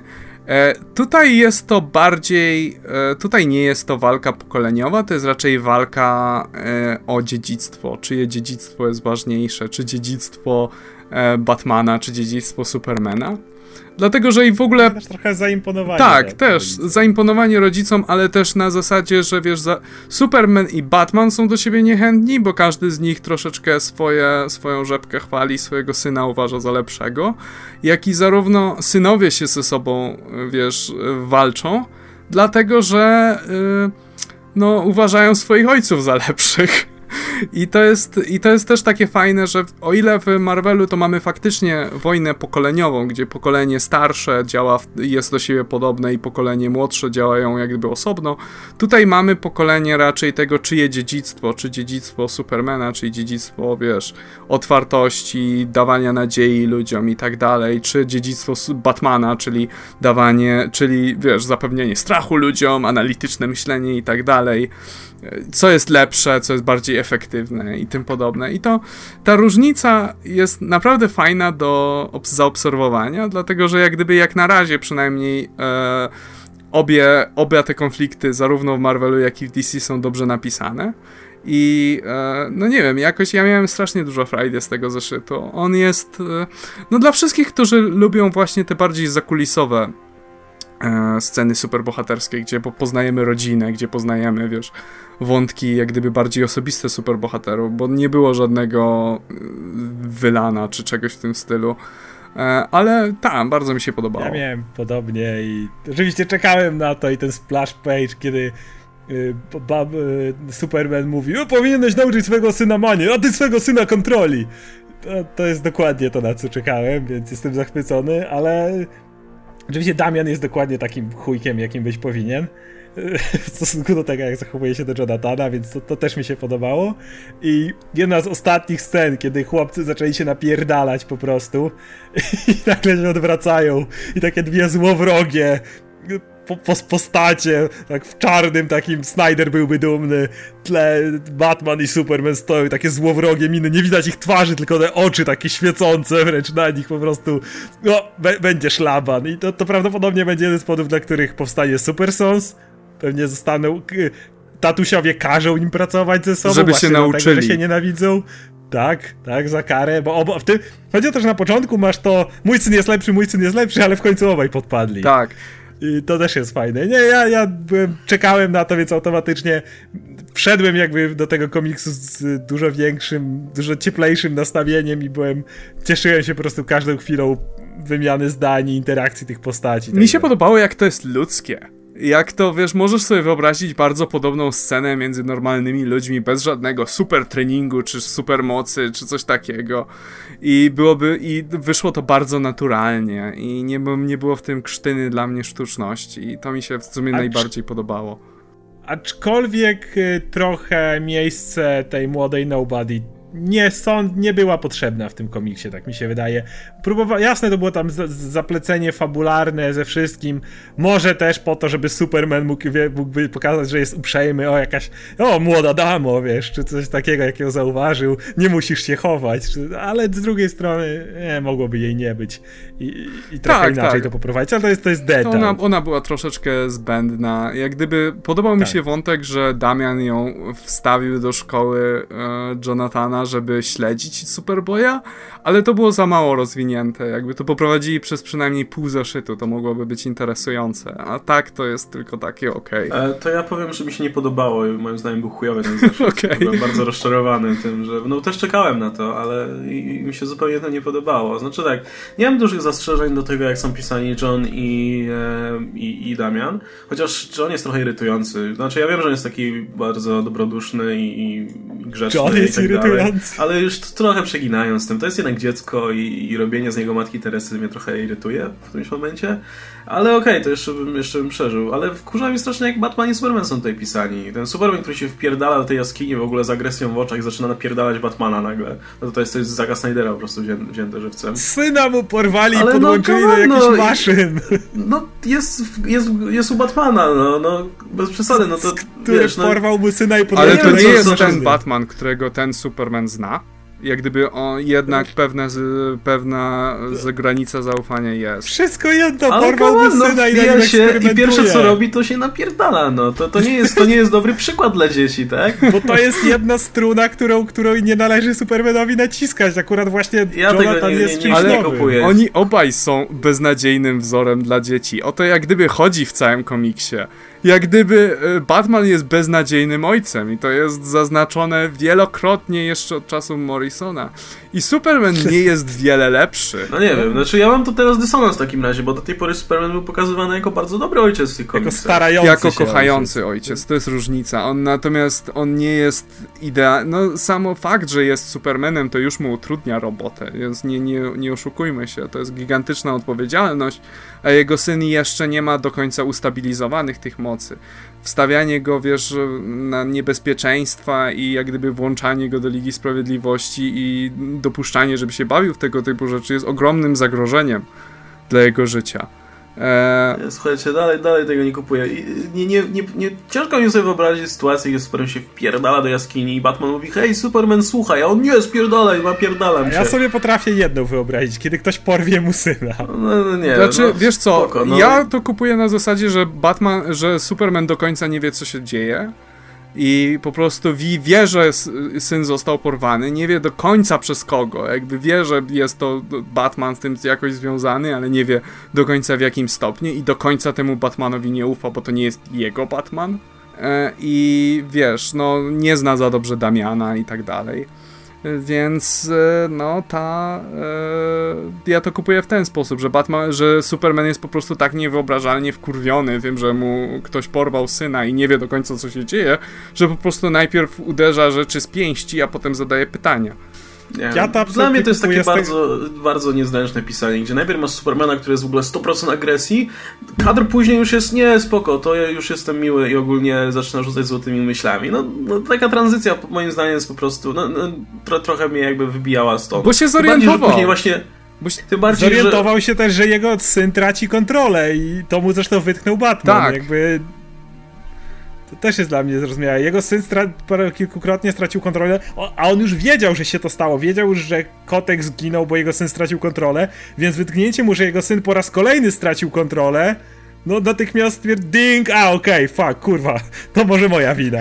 tak, sorki za te rozwalone ściany, ale troszeczkę taki klasyczny Superman był, był troszkę impulsywny i to ja, jest... Ja absolutnie tam. kupuję to, że jak ktoś mu porywa syna, to jest w stanie się wkurwić. Tym bardziej, że potem masz ten motyw, jak się, jak się obaj ci młodzi zaczynają napieprzać. E, no i pojawia się Batman z Supermanem i sobie myślę, kurna, napierdaliście się przed chwilą dokładnie tak samo, więc no to, to kiepscy, kiepscy, no faktycznie, to są bardzo kiepscy A to jest urocze. No nie, ale mówię, sam zeszyt mi się niespecjalnie podobał. Nie, nie powiedziałem jakby nic nowego, nie bawiłem się na nim zbyt dobrze i jakby ta, ta właśnie kreacja postaci mnie trochę zbiła z tropu. Nie wiem, może, może po prostu po jakimś czasie się do tego dostosuje sam. To też trzeba pamiętać o jednej rzeczy, że Superman nie tyle co nie ufa Batmanowi, bo to inna sprawa, ale on wie, że Batman mu nie ufa. I on doskonale wie, że ten Batman za każdym razem jest do niego opryskliwy, nie, wiesz, nie ufający i tak dalej, i tak dalej. Więc Superman jest w stanie sobie wyobrazić, że Batman mógłby próbować na, stworzyć broń przeciwko niemu teraz. Nie tak jak w Batman v Superman, którą natychmiast chciałbym pierdolić, ale taką, którą by sobie zamknął w jaskini i trzymał na Supermana. I Superboya, tak. Ja jestem bardzo bliski w stanie wyobrażenia sobie tego, że Superman w tym momencie, kiedy znika jego dziecko, jest w stanie sobie wyobrazić, że on, że Batman dzięki temu stara się do niego dobrać, albo spróbuje znaleźć ten sposób na jego słabość. No cokolwiek. Rozmawialiśmy tydzień temu przy Spider-Manie o tym, że była jedna seria Renew Vows, kiedy Spider-Man zamordował kogoś. Właśnie dlatego, że zagrożone było jego dziecko i że zmienił się. I tu jest według mnie podobnie. Kiedy masz właśnie, dlatego czekaliśmy na to, aż Superman będzie miał na przykład swojego syna, czy chcemy to u Spidermana i tak dalej, bo wtedy stawiamy bohatera w innej sytuacji, w takiej, w której nigdy wcześniej się nie znalazł. Dostaje odpowiedzialność, której nigdy wcześniej nie miał i w tym momencie jakby to ta troska o, o swoje dziecko jest w stanie usprawiedliwić to, że jest w stanie wpierdolić się do jaskini Batmana i, i rozrzucać jego komputery i meble, byle tylko odnaleźć swojego syna, byle tylko dowiedzieć się, czy z jego synem wszystko jest w porządku. Jakby ja absolutnie to kupuję. Zresztą Superman, wiesz, to nie pierwszy raz, kiedy wpada do jaskini i rozwala wszystko. Ostatnio to zrobił na Księżycu, co zresztą Damian wypomina. e, wypomina Jonathanowi. No ten Superman ma napady agresji. Ma trochę napady, ale no... Ja, ja, się cały czas nie mogę przyzwyczaić do tego. No ten sta klasyczny Superman jest troszkę impulsywny, jest troszeczkę taki, wiesz, bardzo powierzchownie myślący. To jest jakby jego główna wada i w ten sposób e, Batman był w stanie go, klasyczny Batman, w sensie klasyczny przed New 52, był w stanie go pokonać kilka razy. To jest część jego uroku, ale ja tutaj się zgadzam kompletnie z Oscarem, że to jest zupełnie nowa pozycja. W, mo w momencie momencie, kiedy zorientował się, że jego synowi nic nie grozi tak naprawdę, to się uspokoił i się zrobił, wiesz, i się zrobił już, wszedł ten swój klasyczny e, tryb, witajcie obywatele i tak dalej, więc... Więc ja to jak najbardziej kupiłem, nie miałem żadnego Ale dysonansu. Wyobraź sobie, Łukasz, jedną rzecz. Masz syna i nagle gość, którego znasz i który wiesz, że jest wobec ciebie dosyć podejrzliwy i cały czas mówi, że jesteś generalnie dupkiem, nagle dowiadujesz się, że ten syn znika bez żadnego słowa i znajduje się u niego w domu. No to nie, Halo, nie, nie dobry. najgorszego od razu, tym bardziej, no. jeśli jest to mój kompas z Ligi Sprawiedliwości, nie? No bez przesady. No, oni jeszcze nie są kumplami. No nie są kumplami, ale no to jakieś minimum eee. zaufania, tak? No to jak ja bym ci porwał syna i kazał mu oglądać Batmany Nolana, tak? W jeden po drugim. Okej, okay, no dobra. To też bym rozpierdolił ścianę. To dobra, to jak jesteśmy w takim razie przy młodych bohaterach i Damianie, no to Damian jest też pisany równolegle w mm, Teen, Titan, Teen, Teen Titans, no. Teen, Teen Titans, gdzie mm, z kolei jest jakby to powiedzieć, no tam jest, mieliśmy pierwszy zeszyt ten, ten z Rebirth, gdzie, gdzie widzieliśmy jak porywa ten, tych swoich, znaczy ten one shot z Rebirth, gdzie porywa swoich przyszłych kompanów z drużyny, a tutaj mamy krótki flashback, gdzie się okazuje, że Bruce Wayne jest, no, kolejny raz chujowym ojcem chujowym i pamięta jego rodzinach, co jest strasznie chujowym jednak, kurczę, no. zagraniem, no, nawet, nawet, po, nawet po Batmanie się nie spodziewał tego, bo, bo mógłbym mu zostawić coś chociaż, tak, ale dobra, nie, nie zagłębiam się nie chujowym ojcem. E, no a potem, potem po tym krótkim wstępie mamy już powrót do, do sytuacji, gdzie ci bohaterowie są, znaczy Starfire, Beast Boy i cała reszta są uwięzieni. No i w końcu się uwalniają i spuszczają, prawie, prawie że spuszczają Damianowi w pierdol. I Damian się wtedy uśmiecha i mówi, okej, okay, jesteście fajną drużyną, jak działacie wspólnie, więc możemy razem walczyć ze złem. E, jak wam się podobał ten zeszyt w takim razie? On jest chyba skierowany do młodszego czytelnika niż ja, no, takie odniosłem widać wrażenie. Widać po kresce, tak, widać, tak mi się wydaje. Ale no. widać po sposobie, jak jest pisane. To jest jak gdyby dużo no. takiej ekspozycji, której byś się nie spodziewał w komiksie dla starszych czytelników. Jak, jakby kreskówka oglądać. No, tak. też miałem takie podobne, podobne skojarzenia. I jest całkiem okej. Okay. Jak gdyby, no Y, mówię, mnie to nie porwało. Ja jestem chyba troszeczkę już za stary na ten tytuł, ale no, podoba mi się sposób rozumowania e, Damiana. Jak gdyby nie do końca mi się podobał sposób, jak jest sam Damian napisany i ta scena na początku to troszeczkę jednak faktycznie była przesada. To, że się, że Batman w ogóle o nim nie pamiętał, bo to jest troszeczkę out, out of character dla Batmana, żeby w ogóle nie pamiętać o Damianie. List, list by mu zostawił. List by mu zostawił. Kopertę z pieniędzmi prawdopodobnie, ale by pamiętał. Nie, no na końcu jest ten moment, jak on znajduje ten prezent i tam oczywiście jest wiadomość od kogo innego. A ja bym przekonany, że to od Batmana jest. Na Ta. końcu będziesz miał takie, że o, to, powin pamiętam, to powinna być wiadomość od Batmana. No i to by, to by miało sens. Jakieś, no, te, ale... jakieś shirukeny czy coś w tym stylu. takie nowe. Z... Taka katana, jaką chciał na 15 urodziny. z żółwiami ninja narysowanymi, wiesz, na klince czy coś. Ja uważam, że ten komiks był w miarę sympatyczny i, i chyba to jest najlepsze określenie, jak, jak, jakie mogę podać. Po prostu był sympatyczny. Ty, tyle. Ja, no, to... ja powiem tyle. W porównaniu do klasycznych. Nie. W porównaniu do klasycznych Teen Titans to jest średni. Natomiast w porównaniu do Teen Titans, no. których mieliśmy przez New 52, to jest kurwa arcydzieło, więc. To jest, więc... To jest tak. O jest, mogę czytać Teen Titans jednak. No bo nie, to, to, to się nie czytało jakoś źle. No to jest takie, takie po prostu trochę dziecinne, trochę naiwne. No to dokładnie też mi się wydaje, że to jest po prostu kierowane dla młodszego odbiorcy i myślę, że, że jeśli są tutaj wśród nas młodsi czytelnicy, mam nadzieję, że nie i nie, nie słuchają, jak brzydko mówimy i tak dalej. Ale jeśli są i, i, i nie, nie wsadzą nas do więzienia za to, to, to, to myślę, że można to polecić, bo mówię, to, to też mi się wydaje, że jest bardzo, bardzo taki sympatyczny. No taki przyjemny, no. No nie, nie jest co no. na pewno byś czekał z opiekami na twarzy na zeszyt, ale, ale da się czytać. Ale ja, ja, ja będę czytał w każdym razie dalej, bez... No, tak jak to nie będzie pierwszy komiks, po który będę sięgał. Jest już środa, już, już komiksy. tak, to jest Damian Wayne. Jasne, to czekałem, ale, ale jak już przebrnę przez moje must have, must read, to, to myślę, że będę to dalej śledził. Tak samo. No, może też, może nie. Zobaczymy. No dobra, to. A właśnie, jeszcze moje pytanie, bo nie wiem, nie wiem, ja, ja na pewno te, tego, tego już nie śledzę, ale czy ktoś z Was śledził dalej, co się działo z Blue Beetle? Nie. nie. Z Blue Beetle? Nie, nie. Rozpuściliście sobie po tym słabym początku. Tak. Bo jestem ciekaw, czy coś tam się poprawiło, czy nie. Planuję nadrobić, e... więc może za tydzień powiem coś, ale jak na razie nie okay. czytałem. A jeszcze odnośnie Legacy Heroes, czy ktoś z Was czytał Batman Beyond nowy? Też nie. nie. Też nie? Ja czytałem pierwszy zeszyt, ale nie pamiętam, czy to była jedynka, czy to był Rebirth, ale był. I w sumie nic z niego już nie pamiętam. Pamiętam tylko to, że Batman ma teraz taki, znaczy Tim Drake, nie, nie Tim Drake, teraz jest tam oczywiście Terry McGuinness, nie, bo wrócił do tej swojej roli.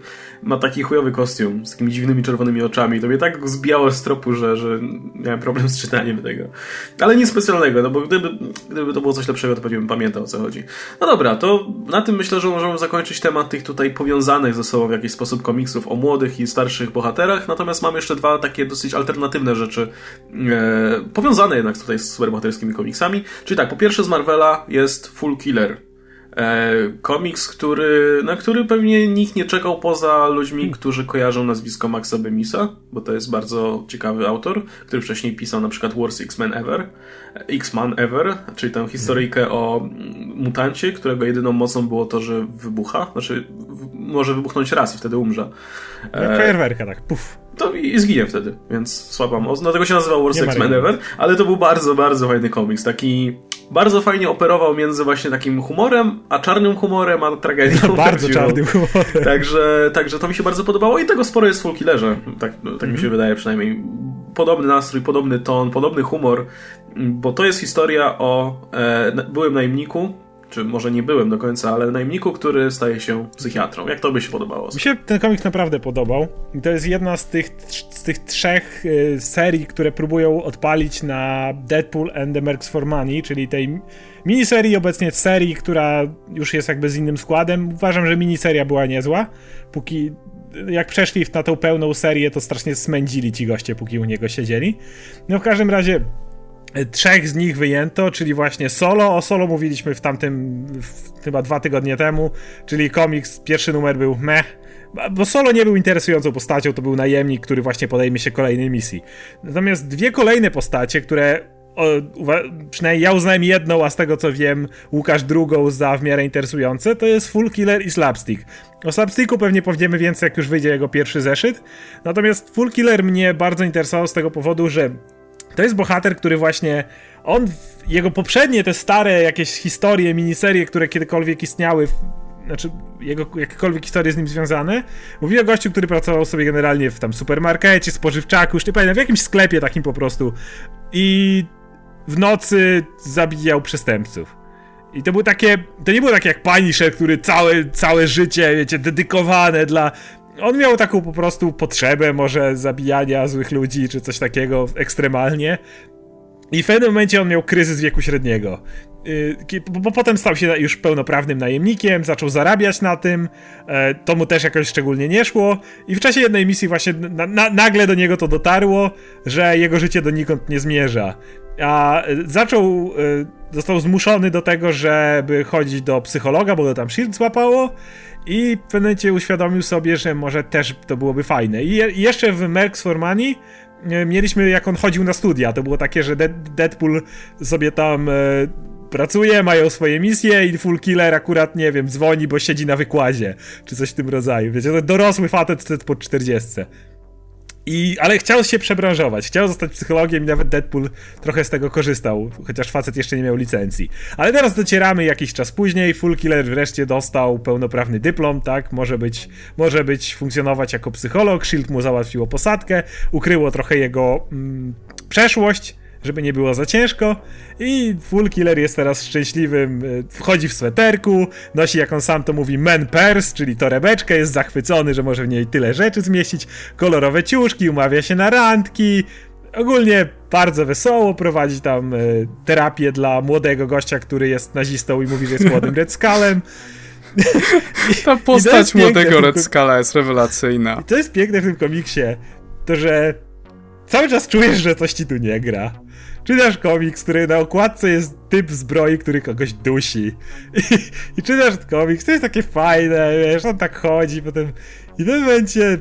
No, spo, ja spoiluję pierwszy komiks, bo to jest pierwszy numer i w pewnym momencie on docie, ten młody właśnie jego pacjent po niego dzwoni, on przychodzi do, w pewne miejsce i okazuje się, że ten pacjent zamordował gości, który, którzy przemycali broń. To była Hydra bodajże, albo, albo on dla Hydry ich zamordował. W każdym razie mamy kontener pełen broni i ten ich zamordował. I tak płacze, że nie, pomóż mi, po, po, panie, panie psycholog, no a full killer skręca mu kark bo stwierdza, że koleś jest totalnym full i budzi się w nim ta kolejna potrzeba, po czym zdejmuje swoje ubranie, zakłada tylko zbroję i w samych majtkach z karabinami, które właśnie wyjął z kontenera, wychodzi na grupę hydry, która na niego idzie. To jest takie, taki piękny po prostu przekaz, kiedy w gościu coś pękło, kiedy no starał się, ale, ale no nie wytrzymał. No komiks według mnie no, jest naprawdę fajnie napisany, jest właśnie taki, ma trochę czarny humor, ale też ten cały czas, przez cały komiks ja czułem taki niepokój, że w którym momencie to pierdolnie, bo to musi pierdolnąć. Tak, tak. Gość Gość był tykającą to było, bombą. To było świetnie poprowadzone. Gość był tykającą bombą i to się udało przekazać. Tak. I tak. Nie, mi się komiks całkiem podobał, był całkiem fajnie napisany. Eee, podobał mi się ta, ten właśnie ten humor przede wszystkim. To, jest, to był komiks bardzo zabawny, ale nie w taki, że wiesz, śmiałem się do rozpuku sposób, ale taki, że cały czas jak czytałem miałem taki lekki uśmiech, bo wiesz, czułem, że coś się, coś się dzieje. I nie, nie, bardzo mi się podobało. E, no, myślę, że całkiem, całkiem zaskakująco dobra, e, do, dobra premiera, bo podejrzewam, że to będzie i tak najciekawszy komiks z tych właśnie, o których powiedziałeś, bo, bo na Stapsika... Na czeka... niego najbardziej czekałem też. No, ja czekam na Stapsika, bo to jest cieka... inna postać, taka odróżniająca się, ale, ale jakoś nie mam jakichś wysokich wymagań mm. odnośnie tego. Natomiast tutaj zupełnie nie miałem żadnych, poza, poza tym oczywiście, że scenarzysty kojarzyłem. Nawet... Ja właśnie inaczej. Ja, Full, Full Killer mi się najbardziej podobał z całej tej ekipy Deadpoola. Największe miałem oczekiwania co do tego komiksu i jestem bardzo zadowolony, że, że to się jakby spełniło, także na pewno będę śledził dalej. Ale podobała mi się też postać tego właśnie młodego Red Skula, bo młody Red Skull to była taka postać, tak jak. E, on wygląda jak czytelnik komiksu, który z lat 90., który chce być tak jak swoi właśnie. Chce być hardcore i on wie, że on, nie, on jest Red Skullem, bo wziął krew i wymalował sobie całą twarz i to jest tak, jest tak extreme. I pomimo tego, że wiesz, że śmierdzi jak taka psująca się mielonka, to wiesz, to i tak chodzi z tym cały czas przez cały komiks. te, te, jakby to, co mnie wzięło w tym komiksie, to przede wszystkim humor. No, to, to kiedy, kiedy koleś, który był wcześniej płatnym mordercą, najemnikiem, zachwyca się tym, że ma męską torebkę i ile to do niej rzeczy się nie zmieści tak. i, i może telefon i portfel tam wsadzić. Ja kiedy z tego powodu szczęśliwy, to czułeś, że to jest taki dysonans po prostu celowy oczywiście, że, że, że to było I to jest miara sukcesu, że ma pieprzoną torebkę. tak. No dobra, to przejdźmy w takim razie jeszcze do innego dziwnego komiksu, który pojawił się z tydzień czy dwa tygodnie wcześniej, ale jakoś nie, nie było okazji o nim pomówić. E, czyli Cave Carson has a Cybernetic Eye i to jest oczywiście z Young Animal, trzeci, trzecia seria, która pod, w tym princie wychodzi. E, czekamy jeszcze na Mother Panic. Natomiast e, no jest to komiks inny niż te poprzednie, nawet bardzo bym powiedział inny, zupełnie innym tonie utrzymany, bo ile właśnie Doom Patrol czy Shade Changing Girl były takie bardzo energetyczne, bardzo takie mm, jakby to powiedzieć, takie no, może nie optymistyczne, ale takie właśnie buchające taką świeżością, taką energią, takim dziwnością i tak dalej, tak ten komiks ma taki bardzo e, depresyjny ton, bym powiedział, taki jest bardzo spokojny, czy, czy ktoś go poza mną czytał tutaj w ogóle? Ja go czytałem. Czytałeś, tak? tak? Więc nie wiem, zgodzisz się z tym? Także... Jest bardzo smutny, jest bardzo depresyjny. Zresztą, wiesz, ja postać Cave'a Carsona z całego e, line-upu kojarzę najsłabiej. Tak, tak, no ja też. Jedyne, co ja wyczytałem, to to była postać z komiksów przygodowych, która tak. trudniła się, która była grotołazem, tak. tak? To się mówi chyba ładnie. Po prostu miała, przeżywała przygody w jaskiniach, bo był Rip Hunter i był Cave Carson i Rip Hunter, Rip Hunter zrobił większą karierę z tymi swoimi skakaniem po czasie i tak dalej. Natomiast Cave Carson się trochę właśnie osunął w zapomnienie, no i teraz go, przypom go przypomniano w sposób, który teoretycznie powinien być w miarę zrozumiały dla nowych czytelników, ale z drugiej strony myślę, że by się, by się to ciekawiej czytało, gdyby jednak może znać tego Cave'a Carsona. Właśnie odnoszę wrażenie, że jest jakaś większa historia. Jestem ciekaw, czy to będzie w następnych zeszytach rozwijane, przynajmniej przez flashbacki czy coś, czy to jest jak gdyby pozostaje do, dla czytelnika do odkrycia. Ja Cave'a Carsona kojarzę właściwie tylko i wyłącznie z tego, z momentu jak miałem krótką obsesję na punkcie Animal Mana i próbowałem czytać wszystko z Animal Manem, nawet te stare komiksy przed Morrisonem, które są beznadziejne i tak dalej i on przez jakiś czas był w zespole, który się nazywał Forgotten Heroes i zespół Forgotten Heroes to jest jak w latach 80. DC wpadło na pomysł, hej, weźmy te wszystkie postacie, które w różnych miniseriach, w Showcase czy w innych e, tego typu, wrzuciliśmy tak na jeden czy dwa zeszyty i zróbmy z nich zespół. I Cave Carson był pomiędzy nimi. I to był gość, który chodził po jaskiniach tam. I to było jak gdyby wszystko. Natomiast tutaj dostajemy całkiem dużo, e, całkiem dużo o, o tym, że Cave Carson w tej chwili jak gdyby no, jest praktycznie w depresji. Pracuje w firmie, której nienawidzi, stracił żonę. I no strasznie. Ma dorastającą córkę, co też jest oczywiście dylematem wielkim tak. i źródłem problemów, powiedzmy. Tak, i no to jakoś był zupełnie. I przy tym jest rysowany tak jak kreskówki Gendiego Tartakowskiego. To jest też był dla mnie fajny dysonans, że sam ton komiksu był tak bardzo dojrzały, a kreska była tak dziecinna. I to się fajnie wkomponowało w koniec końców, ale no to, to, jest, to, było, to było bardzo intrygujące i ciekawe doświadczenie.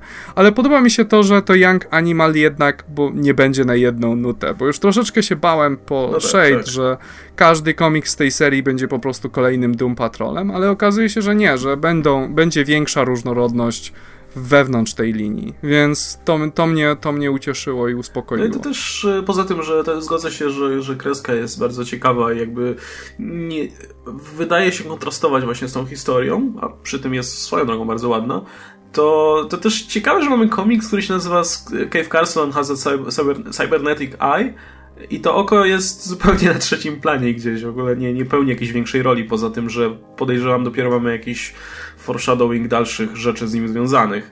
E, jakby skupienie mamy tylko na, na samym bohaterze i na, na jego emocjach i na jego sytuacji życiowej i tak dalej. Także no, no bardzo, podoba mi się, że to jest inny komiks. No nie, nie zrobił na mnie takiego wrażenia jak Doom Patrol na przykład, bo ja bardzo potrzebowałem czegoś takiego jak Doom Patrol, a, a tutaj mam do czynienia z czymś zupełnie innym, ale zdecydowanie doceniam to, że, że jest to inna seria i, i na swój sposób ciekawa też bardzo. No na pewno to będzie coś, o czym będzie można powiedzieć coś szerzej, jak wyjdą następne zeszyty, dlatego że tutaj poruszają kilka wątków, poruszają wątek jego osobisty, jego życia rodzinnego i tak dalej, ale jest ten wątek z tymi halucynacjami generowanymi przez to właśnie cybernetyczne oko. I on jak gdyby teraz szuka pomocy, co zrobić z tymi halucynacjami, czy one czemuś służą, czy to tylko i wyłącznie jego umysł tworzy i co, co się dzieje właściwie z jego okiem, że ono, wiesz, wcześniej działało ok, a teraz ma takie, wiesz, potworne koszmary na jawie. I, e, no i, po, wiesz, pojawiają się też Metal Man, co jest ok na chwilę, więc to jest osadzone jak gdyby większym uniwersum DC po prostu na obrzeżach i nie przejmuj się tym za bardzo, nie myśl o tym za dużo. Ale, e, ale je, masz cały czas to poczucie, że jesteśmy w większym świecie. Jest też wspomniany Superman w jednym miejscu i tak dalej to jest coś, co trzeba poczekać na więcej, ale jak na razie bardzo dużo obiecuję. No ja się zdecydowanie zgadzam. No to w takim razie na tym możemy zakończyć. E, widzimy się w przyszłym tygodniu. E, zachęcam jeszcze do zapoznania się z tymi materiałami, które publikowaliśmy, czy na YouTubie, czy, czy w moim przypadku na blogu. Będą podlinkowane w opisie. E, no i czekamy, znaczy czekamy, no planujemy jeszcze oczywiście za e, wypuścić recenzję Doktora Strange'a. Oskar już dawno to zrobił. Także no, stay tuned, jak to się ładnie mówi.